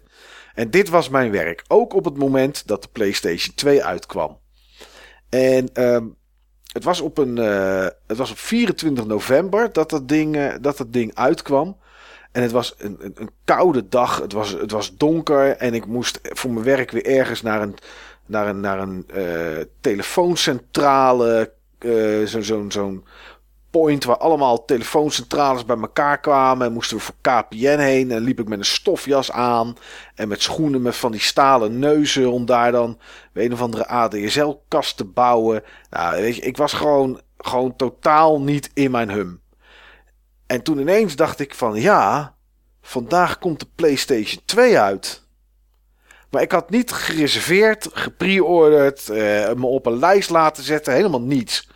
En toen ben ik smiddags, ben ik, eh, ja, ik denk dat het rond een uur of drie was, ben ik als een malle gaan rondbellen naar allerlei winkels om te kijken of ik hem toch nog ergens kon halen. En dat eh, eh, kostte even wat belletjes, totdat ik in Rotterdam, en Steve kent deze winkel, De Future Zone. de Future Zone op de Westkruiskade aan de telefoon had. En ik vroeg of die toevallig nog een PlayStation 2 hadden. En ja hoor, die hadden ze. Toen heb ik een eh, PlayStation 2 gelijk laten wegleggen met een extra controller, een memory kaart en drie games. Alleen ehm, als je ooit in, eh, in Rotterdam bent geweest op de Westkruiskade, dan is dat een, eh, ja, een aparte buurt. Laat ik het zo zeggen. Het is een soort Chinatown, maar het is ook uh, Antilliaans, denk ik, dat er van alles zit. En Surinaams. Um, laat ik het zo zeggen, als blanke Nederlander val je daar behoorlijk op. Het Ja. was november. Zeker 24 november in het donker met je, met je tas. Precies. Met, vijf- met 1500, eh, eh, 1500 gulden aan hardware eh, bij je. Ja, iets meer was het nog inderdaad. Ja, Ehm, ja, het was november, wat ik net zei. Ja, dan weet je het. Dan is het s s'avonds rond een uur of vijf is het niet licht meer. En ik eh, onderweg naar Rotterdam. Ehm, ik had mijn auto geparkeerd in de parkeergarage op de Wena. En dat is, eh, ja, zeg maar waar dat de... is best een eindje weg. Ja, dat is een minuut of eh, zes, zeven eh, lopen, zeg maar. Eh, als je flink doorloopt. En ehm, ja, ik, ja, ik kon niet anders. Want op de, op de Westkruiskade was, eh, was gewoon super druk. Nou, ik naar die winkel toe en eh, mijn bestellingen ophalen. En dat kreeg ik allemaal in een tasje. En ze kregen het maar net in die tas. En die doos van die PlayStation 2 was natuurlijk blauw. Hij zat strak in die, eh, strak in die tas. Die tas was wit. En als je zo naar die tas keek, dan zag je gewoon er dwars doorheen dat er een PlayStation 2 in zat. Dus het eerste wat ik vroeg was: hebben jullie nog een extra tasje? Zodat je in ieder geval niet kon zien wat erin zat. En eh, toen ik mijn pinpas eh, door, eh, door, door het apparaat had gehaald, was ik 1650 gulden kwijt. Omgerekend, want de console kostte 1200 gulden of 1199. Omgerekend was dat gewoon 748 euro. En 20 cent voor twee tasjes. Ja, nee, die hoefde, die hoefde je toen Ja, nog niet te betalen. In Dat 16 is wel- jaar inflatie. Ja, 16 jaar inflatie. Ja, ik was 748 euro kwijt. En dat was, ja, ik denk als je het nu om zou rekenen naar wat het nu zou zijn, was je misschien gewoon een 1000 of een 1100 euro kwijt, denk ik. Ik denk dat je dat wel, dat je dat zo ongeveer wel gelijk kan trekken. Ik denk dat dit wel bij lancering de duurste spelcomputer ooit was. Na de Neo Geo. Ja, ja, die was inderdaad het duurst, maar deze zat er echt, het was echt, echt een, een, een dik bedrag. En al Ehm, vrij snel kreeg je dan nog een prijsdaling naar 1049 gulden. ja, Want dat is een mooi bedrag. Ja, dat, hebben dat- Mensen, dat hebben mensen nog eventjes eh, op hun rekening staan. Ja, dat haalt mensen echt over de streep. Als die Ja. eh, 1199 het niet deed, nou, dan doet 1049 het wel. Ehm, ja, en toen kwam zeg maar eh, een van de, eh, ja, mijn zenuwachtigste zes minuten ever. Want ik moest eh, in het donker over de Westkruiskade terug natuurlijk naar, naar het Wena. En stond niet bekend als een, als een al te beste buurt. Nee, dat zeker niet. Nee, dat was het zeker niet. Nou, ik heb vrij hard gelopen. Ik heb nog nooit zo gezweet in november. Ik ben de Wena binnengelopen. Ik ben eh, naar boven gelopen naar mijn auto. Ik heb de achterklep open gedaan. PS2 eh, erin, ge- erin gelegd. Gelijk dicht gedaan. Ga zitten. Kluk, deuren op slot. En ademhalen. Dat was wat ik, eh, wat ik letterlijk deed. Maar het was me gelukt. Ik had hem, ik had hem binnen. Ja, goed. Ma- mag ik een spelletje spelen, Mike? Ja, tuurlijk. Je had drie games gekocht, hè? Drie games. Ja, Tekken Tag Tournament, klopt. Ridge Racer 5. Nee. Ehm, mm, mm, mm, mag ik er nog eentje? Ja, tuurlijk. SSX. Klopt. Maar twee van de drie is niet slecht. Dit is niet slecht. Ik had Tekken Tag Tournament gekocht, SSX en FIFA 2001. Ehm, waarom weet ik niet. Maar ik vond eigenlijk alleen SSX leuk. Tekken he- heb, vond ik nooit iets aan. Ook niet op de PlayStation 1. Ja, vind ik net even iets te traag. Een beetje te moerasachtig. Eh, en waarom ik FIFA kocht, ja, dat weet ik nog steeds niet. Want dat vind ik tegenwoordig wel leuk tegen een maat. Maar voor de rest speel ik dat nooit. Ja, Ja, maar goed. FIFA 2001 of FIFA nu, dat kun je niet met elkaar vergelijken. Nee, kan ook niet. Maar ja, goed, in die, destijds, ja, weet je, ik, ik wilde er toch games bij hebben. En eh, zoiets als Fantavision, ja, dat hoefde ik niet. En Silent Scope ook niet. En Gradius 3 en 4, dat liet nou niet echt zien wat je PlayStation 2 kon. Nee, totaal niet. Nee, en de slechtste game die er was tijdens de lancering was Orphan, Scion of Sorcery. Dat scoorde gemiddeld een 5,4, zag ik vandaag. Ehm, ja, dus SSX. dat speelde ik. En eh, ja, dat kreeg een 9,3 zag ik vandaag gemiddeld. Dus dat is echt nog wel hoog. Vond ik ook heel tof om te spelen. Het was ook de eerste game uit de EA Big Race. Reeks bedoel ik. Uh, dat introduceerden ze toen. EA Big. Ik weet niet waarom. Het was gewoon sports en het was normaal. Maar ja, het was toch big. Uh, het waren die minder serieuze sportspellen. Was dat het?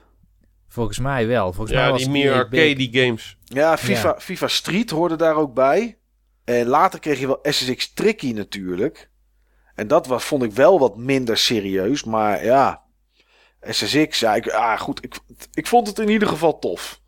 Dat, uh, dat, dat was zeker zo. Uh, ja, FIFA heb ik volgens mij één of twee keer opgestart. En als er een keer iemand kwam kijken, dat was het. Ja, en, en, en Tag Tech Tournament, ja, ik heb, hem nog, ik heb hem nog wel. Mijn originele Tag Tech Tournament. Maar ja, daar vond ik echt niks aan. Maar ja, je moest toch games bij hebben. En dit, uh, dit was wat mij uh, toch dan een klein beetje aansprak. En uh, ja, dat was mijn, mijn launch van de PS2, zeg maar. Vrij snel daarna heb ik dat ding wel laten ombouwen met een, uh, met een modchip. En dan moest je, ja, dat was ook ellendig. Dan moest je een, je moest dan swappen met discs en zo. En het was heel knap hoor, hoe ze het bedacht hadden en dat het werkte. Maar dat was, dat was, dat was, dat was natuurlijk een ramp. Maar ik heb daar, ja, ik vond het een, een, hele spannende lancering. Maar niet vanwege de console en de games. Maar meer op de manier hoe ik, hoe ik deze PS2 in handen kreeg. En uh, ja, dat was dus zo'n console die ik ook eigenlijk niet had gereserveerd. En op de dag zelf dacht van, ja, weet je, ik, gemekker met dit werk. En ik baalde er echt van. Ik wilde gewoon iets leuks kopen. En ja, dan maar, dan maar een PS2, want die was er sinds die dag. Dus uh, ja, dat was mijn, mijn PS2-lounge, jongens. Steve, aan jou de eer om, om de hekkersluiter te zijn van deze uitzending met jouw tweede lounge. Ja, ik vind het een mooi verhaal, uh, Mike. Ja. Want, joh, ik, ik ken die winkel natuurlijk goed. Mm. Vanwege mijn legendarische Dreamcast uh, verhaal. Ja. Waarbij ik er ook bij de lancering bij was. Ja, inderdaad. Wat overigens een extreem goede launch was. Die hadden echt goede games toen tijdens de Amerikaanse launch. Wat, wat was er? Uh, Soul Calibur, denk ik? Soul Calibur. Uh, Power Stone, Crazy Hydro Taxi? Thunder, Crazy Taxi niet. Oké. Okay. Um, Sonic Adventure. Oh ja, dat was best een toffe. Ja, Toy Commander. Het kan zijn dat hij net iets later was, maar um, je had in ieder geval uh, zat goede games tijdens, uh, tijdens die lancering. Ja. Dus um, ik denk dat het wel de, de lancering is waarvan ik het meest heb genoten. Uh, dat ding was een tijd gewoon zo ver vooruit. Ja, zeker. Maar daar heb ik het zo vaak over gehad. Die dat kon je nu, niet dat doen. ga ik nu niet doen. Nee. Dus, maar ik heb een verhaal van een lancering ook rond deze tijd. Oké. Okay. Um, nou, de lancering van de originele Xbox. Oh, de eerste. Ja. Ja. Ja. Um, de originele Xbox, nou, dat ding ging er bij mij niet komen. Ik zag daar niet zoveel in. Want het was Microsoft of... Het was, het was Microsoft en wat, wat gingen die gasten van Microsoft nou brengen? Ja. Uh, de Gamecube, uh, dat, was, dat was de route voorwaarts. De Gamecube, dat ging tof worden. Ja. Maar de Europese lancering van, van de Xbox die was natuurlijk net iets later dan, um, dan de Amerikaanse lancering. Die was in maart, de Europese ja. lancering. Begin maart of eind februari. Dat, ik denk dat het eind februari was. Maar um, de Amerikaanse lancering had ik ook gevolgd via internet. En uh, er waren toch wel wat games die ik echt gewoon heel erg tof vond. Onder andere Halo. Ja. Halo leek me gewoon echt heel erg tof. En uh, Dead or Alive 3. Ik had natuurlijk een Dreamcast. Uh, Dreamcast vond ik geweldig. Dead or Alive 2 vond ik super tof. Nou, Dead or Alive uh, 3. Dat moest dan ook wel tof zijn. En ook bij de Xbox stonden er op een gegeven moment demo units bij de Mediamarkt. Gingen die ook niet het land door? Ze Ja, hebben zelfs nog bij mij op school gestaan. Echt waar? Ja, toen ben ik gewoon terug geweest naar de, eh, naar de Haagse Hogeschool, waar ik, waar ik afgestudeerd was, Ja. om nog met die dingen te staan spelen. Oh. Ik, eh, ik ben bij de, bij die, met de eerste Xbox ben ik eh vlak bij de Haagse Hogeschool in Den Haag. Zat daarnaast de Megastores. Ja. En daar eh, stond hij bij de Dixons eh, een weekend of een dag of vijf. Daar ben ik toen nog geweest om hem eh, te proberen en er voor het eerst op te spelen. Dat wist ik niet. Ja. Maar die dingen, ze hebben nog op Utrecht Centraal gestaan. Die dingen zijn heel Nederland ook doorgegaan. Maar mijn conclusie was gaaf. Maar ik was vrij laat tot die conclusie gekomen. Ja. Dus moest ik ook aan zo'n ding zien, ehm, ehm, zien te komen. Dat kon je niet overal meer krijgen. Eh, en dus ging ik maar voor een zekerheidje. Future Zone, Oh, ook. Rotterdam. Ja. Want als je zeg maar, als je het niet kon krijgen, who are you gonna call? Future Zone. Echt hè? En ja, en ik, ik ook, ook ik zat toen in een dead-end job. Ik was toen, ehm, zeg maar, mijn fulltime werkcarrière begonnen bij eh Pinkelkade Toptalent. Oh, ja. Meest pretentieuze bedrijfsnaam ooit. Pinkelkade Toptalent. en eh, dat was zeg maar, ehm, dat was zeg maar, eh tas, tas, tas Toptalent. Tas Toptalent, dat was toen een, of Tas was een IT-bedrijf. Wat zich richtte op het opleiden en detacheren van, eh, van jonge IT'ers. Het waren geen jonge IT'ers in veel gevallen. Het waren jonge non-IT'ers die ze zeg maar via een versneld tra- traject dan IT'ers van zouden maken. En die werden dan voor de hoofdprijs bij klanten weggezet om de Millennium Bug eh, te fixen in hun systemen. Oh liefst, ja. liefst in oude COBOL-meuk. Want, Millennium want COBOL en de Millennium Bug, ja, dat was gewoon, dat was een death trap. Jeetje. Ja, dat was een death trap. Maar ik, eh, ik was dus zeg maar na de tijd van de Millennium Bug... was ik bij dat uh, Pinkelkade toptalent binnengekomen. gekomen. Eh, ik had toen best wel veel dingen gedaan met, met internet. Ik had een eigen internetbureau gehad met vrienden. Ja, ik, je had, had iets gedaan met moppen. ik had iets gedaan met moppen.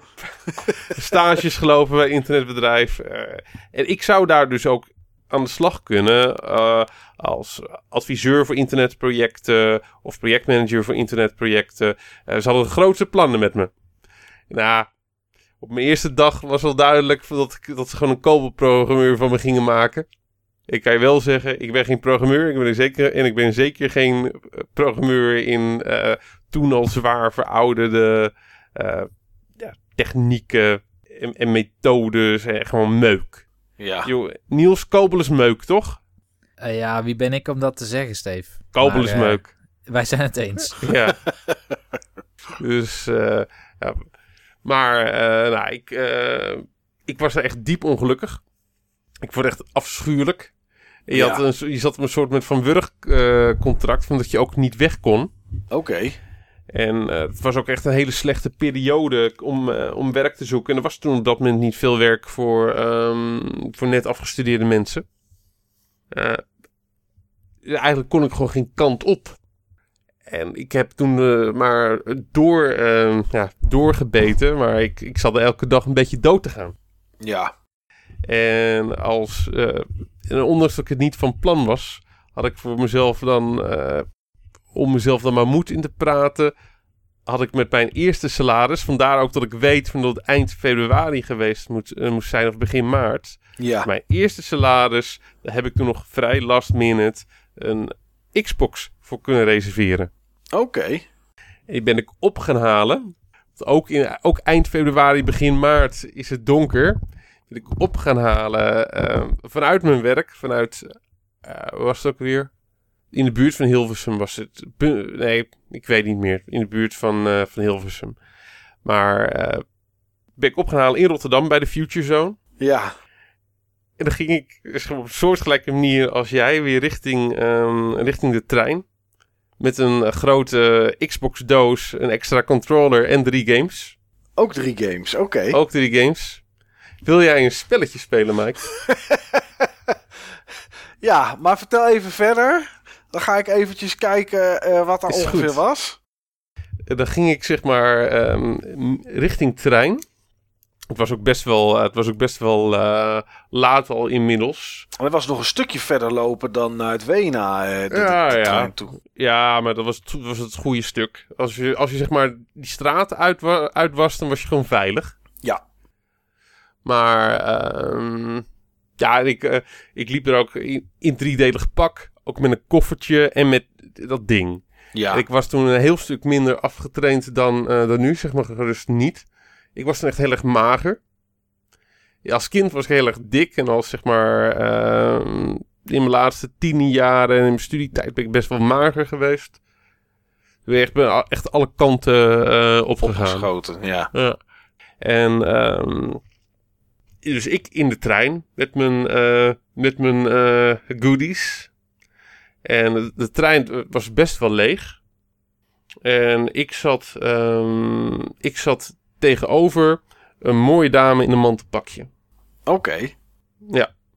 Dus had ik daar zeg maar met mijn, eh, met, met mijn goodies, zeg maar mezelf daar een beetje mee, eh, mee te vermaken. Een beetje boekjes alvast door eh boord te, te kijken. Maar het was al vrij snel over met het doorkijken van die boekjes.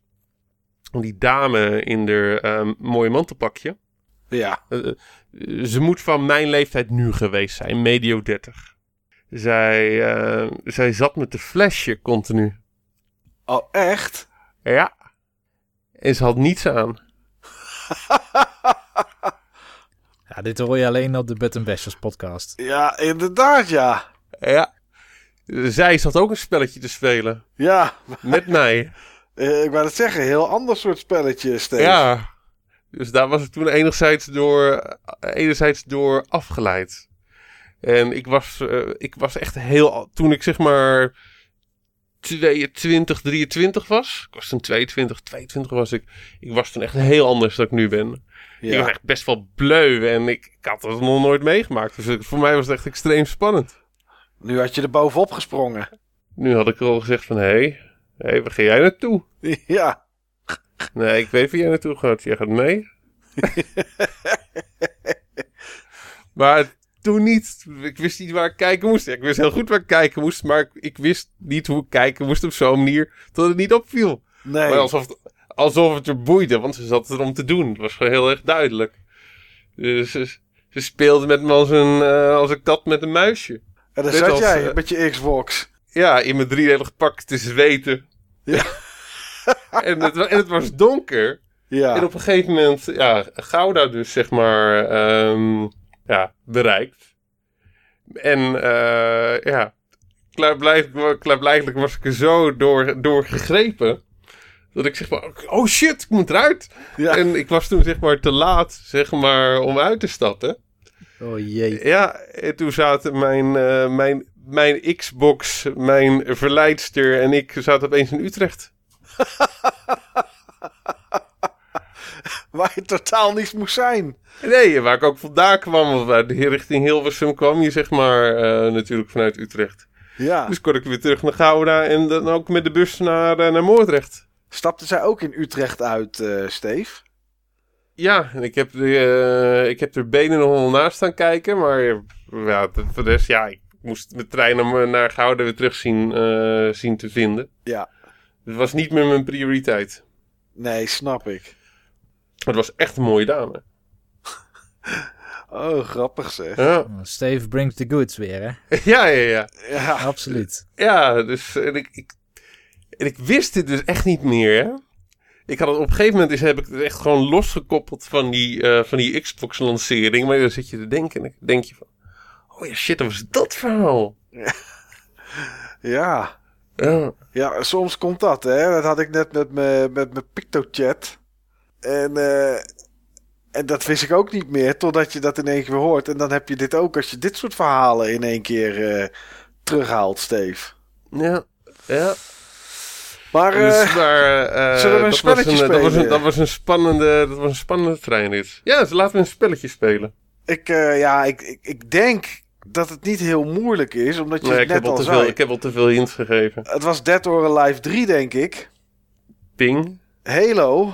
ping, En ik denk Jet Set Radio Future. bing. Je, ga- je gaat door voor de koelkast. Ja.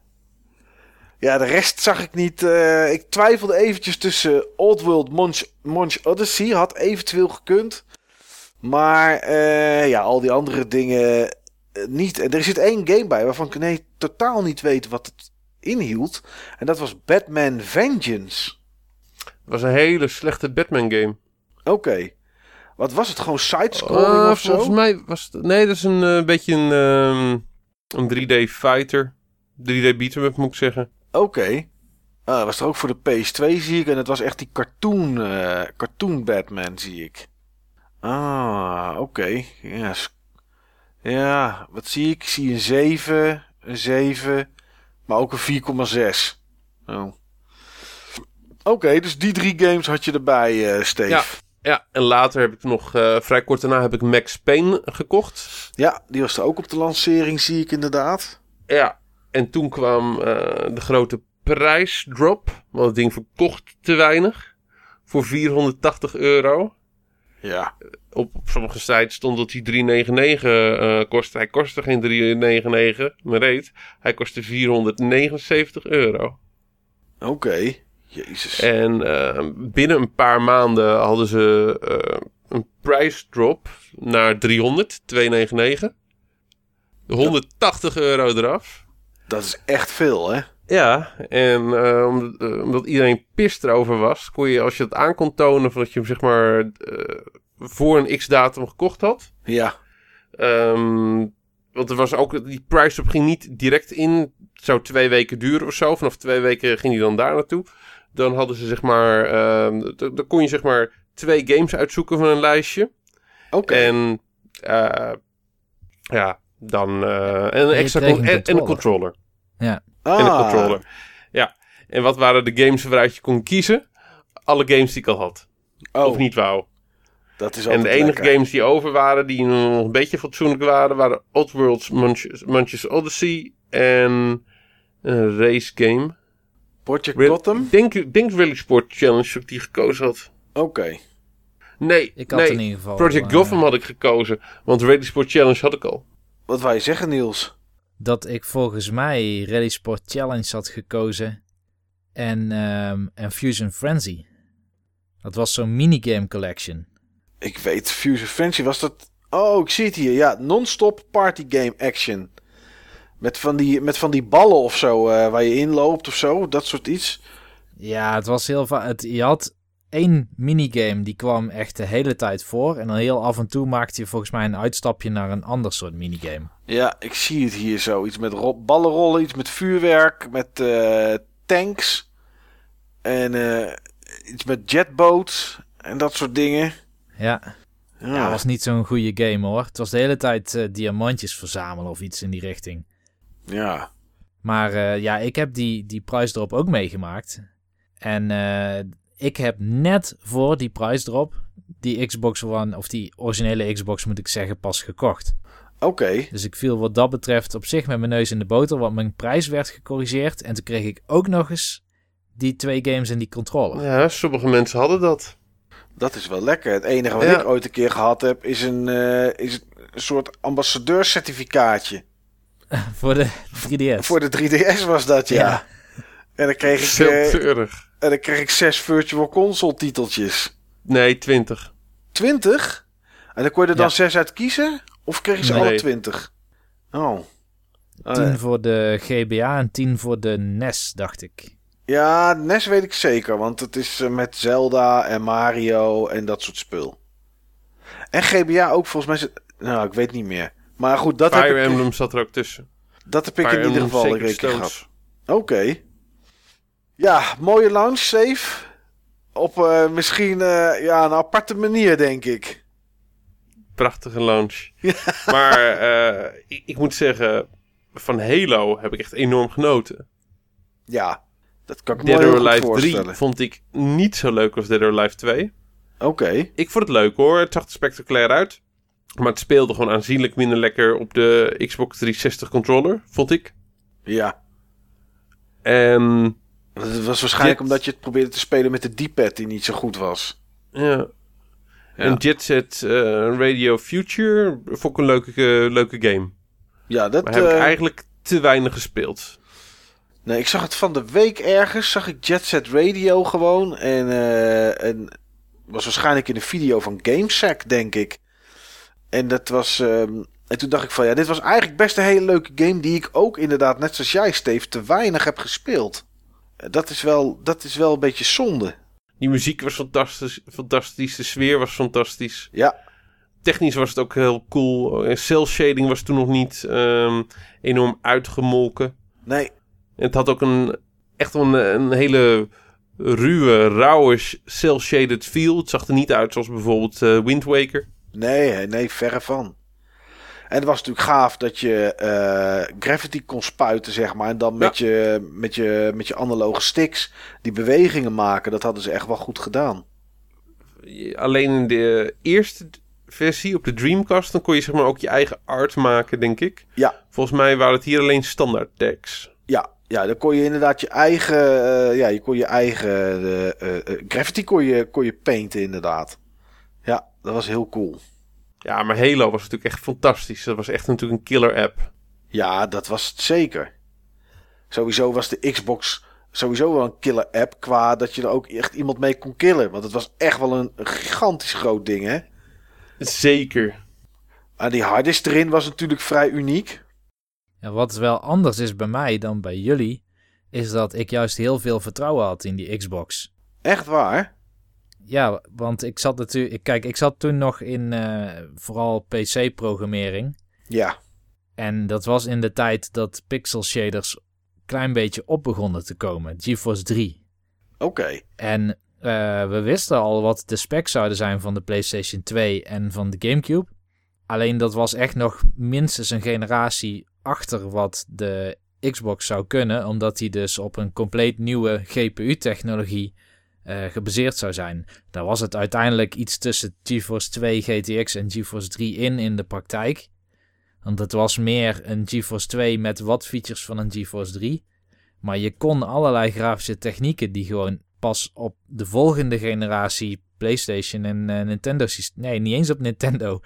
Nintendo moest je wachten tot de Wii U voordat een keer dat ze trucjes konden. Bizar. Ja. Maar toch, als je een GameCube-titel en een Xbox-titel naast elkaar ziet, vaak is het verschil niet enorm groot. Ook omdat het natuurlijk multiplatform games uh, zijn. En ja. uh, ook de echt goede, echt goede GameCube-titels. een, een Metroid Prime vind ik grafisch niet minder dan, dan Halo. De schaal van Halo is natuurlijk heel anders. Met die enorme open gebieden. Nee, dat klopt. Maar dat komt denk ik ook doordat Halo gebruikte pixel shaders maar heel af en toe. Dat was dan een kamer waar je in stond waar in één keer de muren heel erg aan het glimmen waren. Maar dan de rest was gewoon vrij simpele belichting, zoals we op de andere consoles ook hadden. Dus het werd meer voor trucjes gebruikt dan voor een uniforme look. Het was echt pas Doom 3 die voor het eerst alles in pixel shaders deed, met één model belichting. En um, hoe heet dat? Die game, dat is uh, Riddick of zo. Oh ja, Chronicles, Chronicles of, Riddick. Chronicles of Riddick, ja. Dat was best een aardige game trouwens. Chronicles of Riddick. Ja, wat ik tof vond aan die Xbox uh, toen ik hem eenmaal had, was toch die harddisk. Want daar konden ze, konden ze toch wel unieke dingen mee doen. Natuurlijk heb ik, uh, heb ik er op een gegeven moment een XBMC Media Center van gemaakt. Want dat was toch wel heel erg gaaf. Maar ik moet toch zeggen dat ik ook, uh, zoals Blinks, dat was een uh, platformer met een, uh, met een kat. En die had een tijdmachine. En door die harddisk die erin zat, kon je je eigen gameplay terugspoelen. Omdat er gewoon opgenomen werd of iets op die harddisk. Wat je gedaan had, of welke, welke kant je opgelopen was, of wat dan ook. En dat, ja, dat was een feature die alleen maar kon dankzij die harddisk. En ja, tegenwoordig hè, is dat niet zo bijzonder meer dat je kan terugspoelen. Maar toen wel. En ik vond dat wel echt heel erg gaaf hoor. Dat was echt een mooie, echt een mooie feature was dat.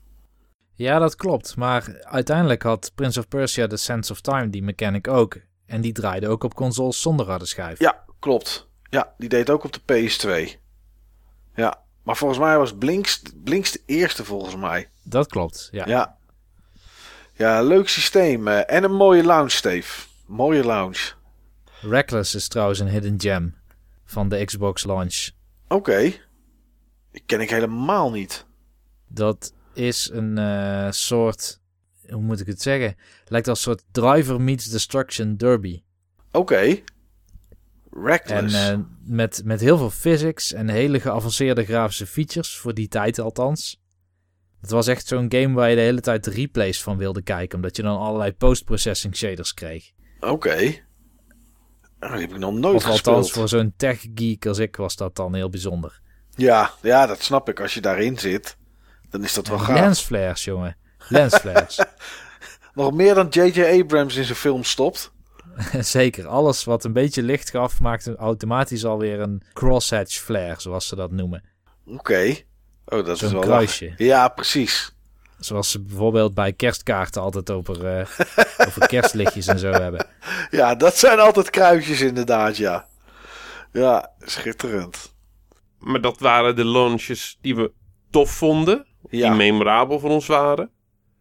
Wat zijn de launches die we echt slecht vonden? Om er gewoon even eentje uit te pikken, kort. PP. Oeh, de lounge die ik slecht vond. Ik denk de PlayStation 4 lounge voor mij persoonlijk.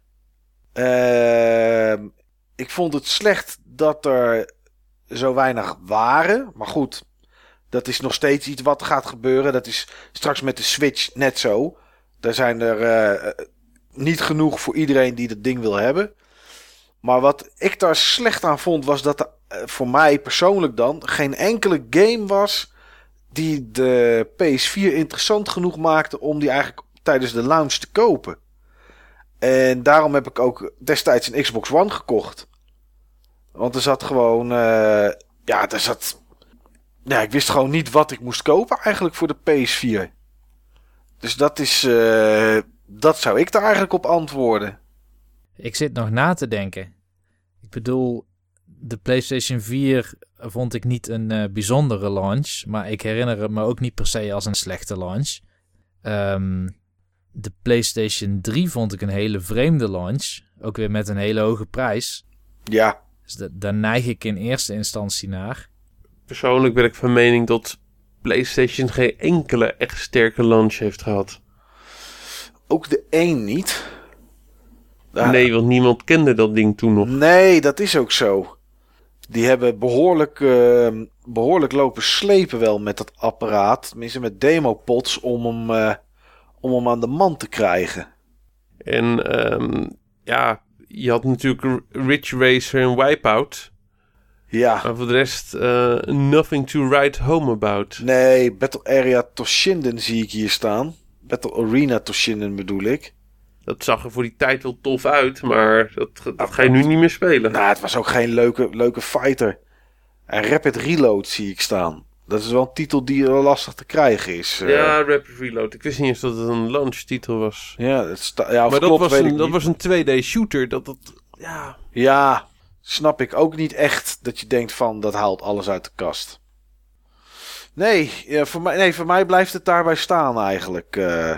Dus ja, en Niels, wat, wat, wat eh, jij Ik blijft... denk inderdaad toch de PlayStation 3. Wat wel een rare launch voor mij is geweest, is die van de GameCube. Want ik ben eigenlijk altijd wel eh, vrij snel ingestapt op Nintendo launches sinds de Nintendo vi- eh, 64. En ehm, de GameCube was eigenlijk in die generatie de laatste console die ik daarvan kocht. Echt pas jaren in, eh, in die console-generatie. Ik had de Xbox bij launch, zo'n beetje Ja, binnen twee maanden van launch. Ik had de PlayStation 2 een jaar daarna. En volgens mij de GameCube pas weer een jaar na de PlayStation 2. oké. En jij zelf, Steve? ja, van de launches waarin ik actief heb deelgenomen. Ja, Heel makkelijk. De 3DS. De 3DS die heb ik bij lancering echt gekocht als een impulsaankoop. Ja, Ik was toen in Al van der Rijn bij Jelle. En we liepen langs, eh, we liepen langs een Game Media. De Game Media daar. Het ding was toen echt net uit die dag. En ze hadden nog eentje. Ze hadden ze nog liggen. Nog volop trouwens. En ze hadden zo'n apparaat op de toonbank. ja. Ik was er benieuwd naar. Want dat 3D-effect, ja, dat kan je van tevoren natuurlijk niet ja, niet, niet proberen. Nee. En eh, ik vond het tof. Ik vond het echt heel, to heel tof uitzien. Daar heb ik gewoon één gekocht. Ik had eh, toen ook al een iPad gekocht trouwens die dag. Een iPad 2. Oké. Die was ook uitgekomen op dezelfde dag. Ja, ik zit nu naar die games te kijken hè, en ik ben, ben aan het terugdenken, want ik had er helemaal niet aan gedacht. Ik heb het ding ook op de dag van lancering gekocht. Maar ik vraag me nu, als ik naar die launch, launch titels kijk, vraag ik me eigenlijk af waarom ik hem gekocht heb. eh. ja, ik, ik ook. Ik heb een Street Fighter erbij gekocht. Ik ook. Terwijl ik En- er helemaal niks aan vond. Daar vond ik geen reet aan. Nee. En vervolgens heb ik het ding laten liggen, net zolang tot hetzelfde uitkwam. Ja, ja, ik had wel Ridge Racer 3D, maar die had ik gekregen ter review. En eh vond ik ook niet zoveel aan. En voor de rest was het eigenlijk allemaal opgebakken oude games. Rayman, Nou ja, je had eh, Ghost Recon Shadow Wars. ja, Dat, ja, dat wist ik in die tijd ook nog niet. Dus die heb ik ook laten liggen. En die heb ik pas opgepakt toen die iets van 15 euro was. Maar dat was eigenlijk wel een hele goede launch title. oké. nou, die heb ik inderdaad eh, niet, niet, niet gespeeld. Maar daar heb ik Ra- hetzelfde mee als, ehm, als Niels. Ik wist niet dat hij tof was. Ik weet nog steeds niet dat die tof is. Ik, eh, ik heb die game nog nooit gezien. Het is een beetje een ik. kruising tussen eh, Fire Emblem en XCOM. Oké. Ja. Van Oh, de dat- maker van XCOM ook, de originele bedenker. Oh, dat klinkt op zich wel goed. Alleen het probleem in die tijd was, want je had toen ook een eh, Splinter Cell launch title. Ja, Splinter Cell 3D. Ja, dat was duidelijk een soort inferieure poort. En Ja. dit leek op een of andere B-spin-off of zo van, eh, van Ghost Recon. Dus heel veel mensen hebben hem laten liggen. Maar Hmm. achteraf blijkt het een hele, hele goede titel te zijn. Oké. Ja, want als En je had kijkt... Pilot Wings. Ja, dat was Pilot Wings helemaal. Resort. Nee. En Rayman 3D. Super Monkey Ball 3D. Dat was allemaal... Ja, allemaal opgebakken, zeg maar. Dat hadden we allemaal een keer gehad. En dan Nintendogs en Cats. Drie stuks. eh, ook, al, eh, ook al vaak genoeg gezien. En Asphalt 3D, dat was het helemaal niet. eh. Nee, dat was zo'n eh, zo'n iPhone-poort of zo. Ja joh, dat was echt heel slecht. Zo voelde het wel althans. Ja.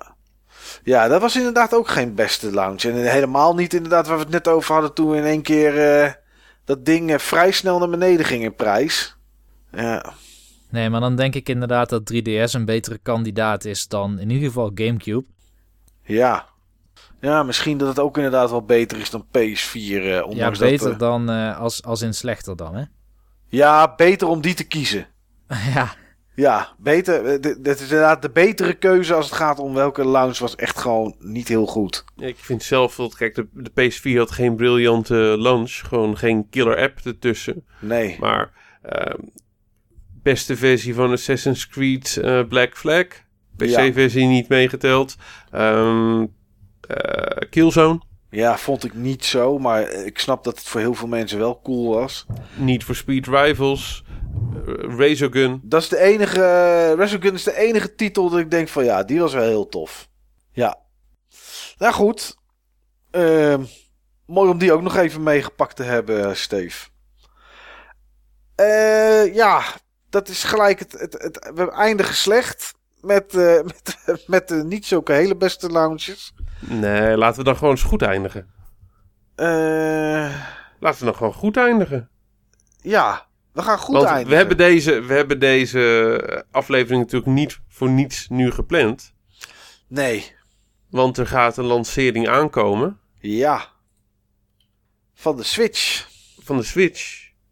Daar ben ik heel vocaal over geweest. Ja, Dat die er niet ging komen in eerste instantie. nee.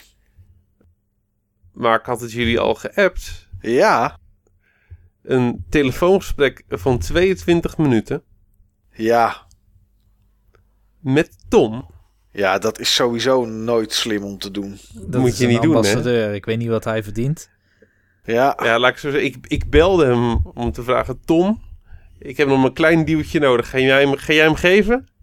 En Tom heeft hem gegeven. ja.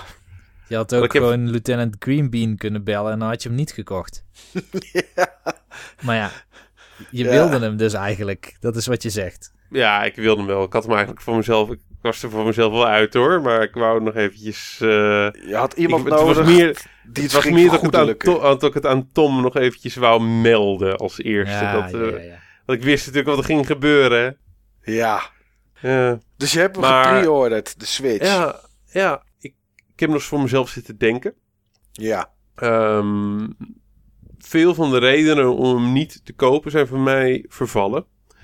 Ehm, ik vond hem iets te duur. Dat is een psychologisch dingetje. Eh, ik- vind hem, ik vind hem drie tientjes te duur. Hij had Ja. eigenlijk voor mij uit moeten komen, zeg maar, rond de 300 euro. Vind ik gewoon een mooie prijs voor het, eh, voor het ding. Maar ik kan hem voor 300 euro krijgen. Want ik kan hem zeg maar kopen, eh, kopen via Hassan met zijn personeelskorting. Oké. En Hassan gaat zeer waarschijnlijk weg bij, ehm, bij de Bart Smit, want die heeft een nieuwe baan. Dus dat is ook zeg maar eindig. Dus waarschijnlijk is het ook mijn laatste kans om zeg maar te kopen voor de prijs. waar- waarbij die waarschijnlijk later dit jaar dan pas voor in de winkel ligt. Ja. En ehm, ik blijf erbij van tot de launch line-up enorm pover is. Is het ook. Bizar slecht zelfs. Ja. Behalve Breath of the Wild. Ja. En ho- hoe je het ook went of verkeerd, je kan toch maar één spel tegelijk spelen. En als Breath of the Wild het soort spel is waarvan iedereen hoopt van dat het is, is het ook wel een spel waar je ook die, die ga je niet met een andere combineren. En daar kun je ook echt jezelf wel een tijdje in kwijt. Ik zeker, ik heb ook geen tijd om heel veel spellen eh, te spelen. Nee. En als ik gewoon kijk hoeveel plezier ik nu weer heb met, het, met, eh, met de 3DS op dit, eh, op dit moment. Ja, gewoon primair handheld spelen. Ja, dat spreekt me ook gewoon wel erg aan. En ik had eigenlijk voor mezelf zoiets van, waarom niet? En ik kon op die manier voor mezelf geen redenen meer, eh, meer bedenken. Eh, later, in, eh, over een paar maanden, komt Mario Kart 8 uit. Ja. Nou, dan, dan heb ik die. En misschien komt er tussendoor voor Mario Sunshine nog een andere game uit die me, ehm, die me verrast. Maar ik heb, de, ik heb de laatste tijd echt veel 3DS zitten spelen. En ik ben de laatste tijd ook veel bezig geweest om in kaart te brengen welke 3DS-titels ik ehm, gemist heb. En mijn gevoel zegt van dat die Switch echt geen mindere ehm, line-up gaat krijgen dan de 3DS over zijn totale levensduur. Oké. Nou, ja, en je kan van de zomer kan je meedoen aan de ESL samen met Niels met Splatoon 2. Dat de ook. Beverclan. Eh, ja. joh, mij heb je nodig. Mij heb je Ja, nodig, Niels. Ik heb iemand nodig die eh, kan rollen.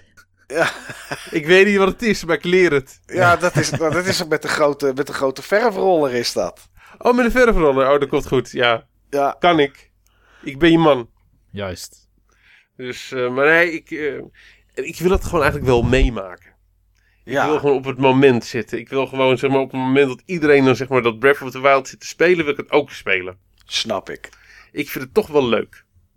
En ik ken mezelf, ik, ik, ik weet dat ik het dan ook kan spelen op de, op de Wii U. Ga ik toch niet doen. Ik, ik, ik, ik ben, ben niet iemand die dan voor zijn gevoel voor de suboptimale oplossing kiest. Heb je al een plekje voor gevonden, Steven? Dat was ook zo. Hè? Je zei van ja, ik heb eigenlijk geen zin om er een plek voor te Ja. verzinnen waar ik hem moet neerzetten. Ja, Oké. heb ik opgelost. Je hebt een nieuw Ga hem niet dressoir gekost. Oh, Ik ga hem niet neerzetten. je gaat hem gewoon alleen maar als handheld gebruiken. Ja, ik lees overal van dat die games ehm, er gewoon beter uitzien op het moment van dat je ze handheld speelt dan op de tv. Oké. Dat die dat zeg maar ehm 1080p en een groot scherm tot toch te veel de imperfecties blootlegt die eh, gemaskeerd worden door 720p en een relatief klein scherm. En het scherm is ook heel mooi, zegt iedereen. Ja. Dus ehm ja, opgelost. Uiteindelijk ga ik hem natuurlijk wel dokken. Tuurlijk. Maar ehm, de urgentie is, er- is er even niet. Nee, oké. je gaat hem dus puur als handheld gebruiken. Ja, Ja. Nou, ik ben benieuwd. Steve, we hebben in ieder geval Niels die hem gepreorderd heeft. En, eh, en jij. Ik heb Zelda erbij en ik ga Bomberman nog kopen. Oh, die kost zes tientjes, hè, Niels? Ja, maar het is Bomberman. En ik, eh, ik moet het hebben. Ik, het bedoel, is een, ik heb er dadelijk het ook is een vier van- 30 fps Bomberman. Die eruit ziet als een iPhone game. Dat klopt. Maar het ik is weet het. Bomberman. Maar het is Bomberman. En het is weer zo'n game die ik dan met vier spelers kan gaan doen. En ik voorzie op mijn werk dat er heel veel mensen zo'n Switch hebben en Bomberman toernooitjes komen. Of Street Fighter toernooitjes, dat kan ook. Maar ik zie het, uh, het multiplayer paradijs voor me. nou, laten we dan hopen dat dat het ook wordt. Uh, ik acht de kans reëel dat er bij mij One to Switch in huis gaat komen. Oké. Voor je vriendin vol, ook. Volgens mij, ja, volgens mij wordt het gewoon hilarisch. Nou, mij, ik heb het, ik heb het gewoon aan wat, men, ik heb het aan wat mensen laten zien, gewoon met koeienmelken. Ja. En iedereen reageert er wel gewoon echt hilarisch op. Ja, dat is het ook. Het is, het is echt een soort party en co-achtig iets, maar dan digitaal. Ja, je hoeft vier tientjes poeien. Als je er gewoon plezier aan hebt, toch? Dat is waar. Dat ja. is natuurlijk ook zo.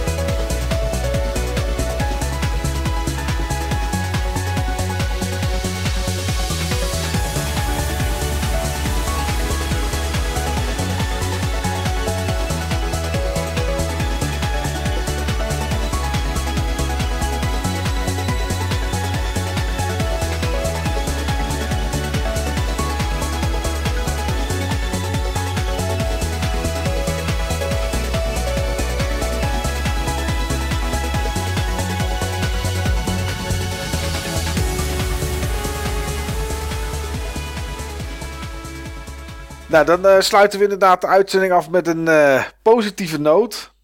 Ondanks dat Tom erin voorkwam. Maar uh, je hebt het toch. Je kan niet alles hebben. Nee, je hebt het toch nog aardig weten te draaien, Steef. Um, ja, ik denk dat het toch een langere uitzending is geworden dan we initieel hadden gedacht. Ja, zeker.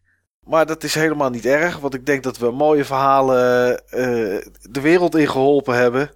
Over nou, Niels over de Bever-clan en Steve ook iets over een bever, maar dan met een Xbox. uh, Steve en ik zijn alle twee weggerend voor Rotterdam. Uh, ja, het is de diverse uitzending geworden. En uh, nou ja, mocht, mocht je zelf een lancering hebben of ook, ook zulke verhalen zoals Steve en de trein, dan lezen we ze graag op het, op het Buttonbashers forum waar je ons kan vinden. En dat is uiteraard te vinden op www.button-bashers.nl. Ik uh, dank iedereen voor de tijd die hij hierin heeft gestoken om naar ons te luisteren. En ik kan alleen maar zeggen tot een volgende aflevering.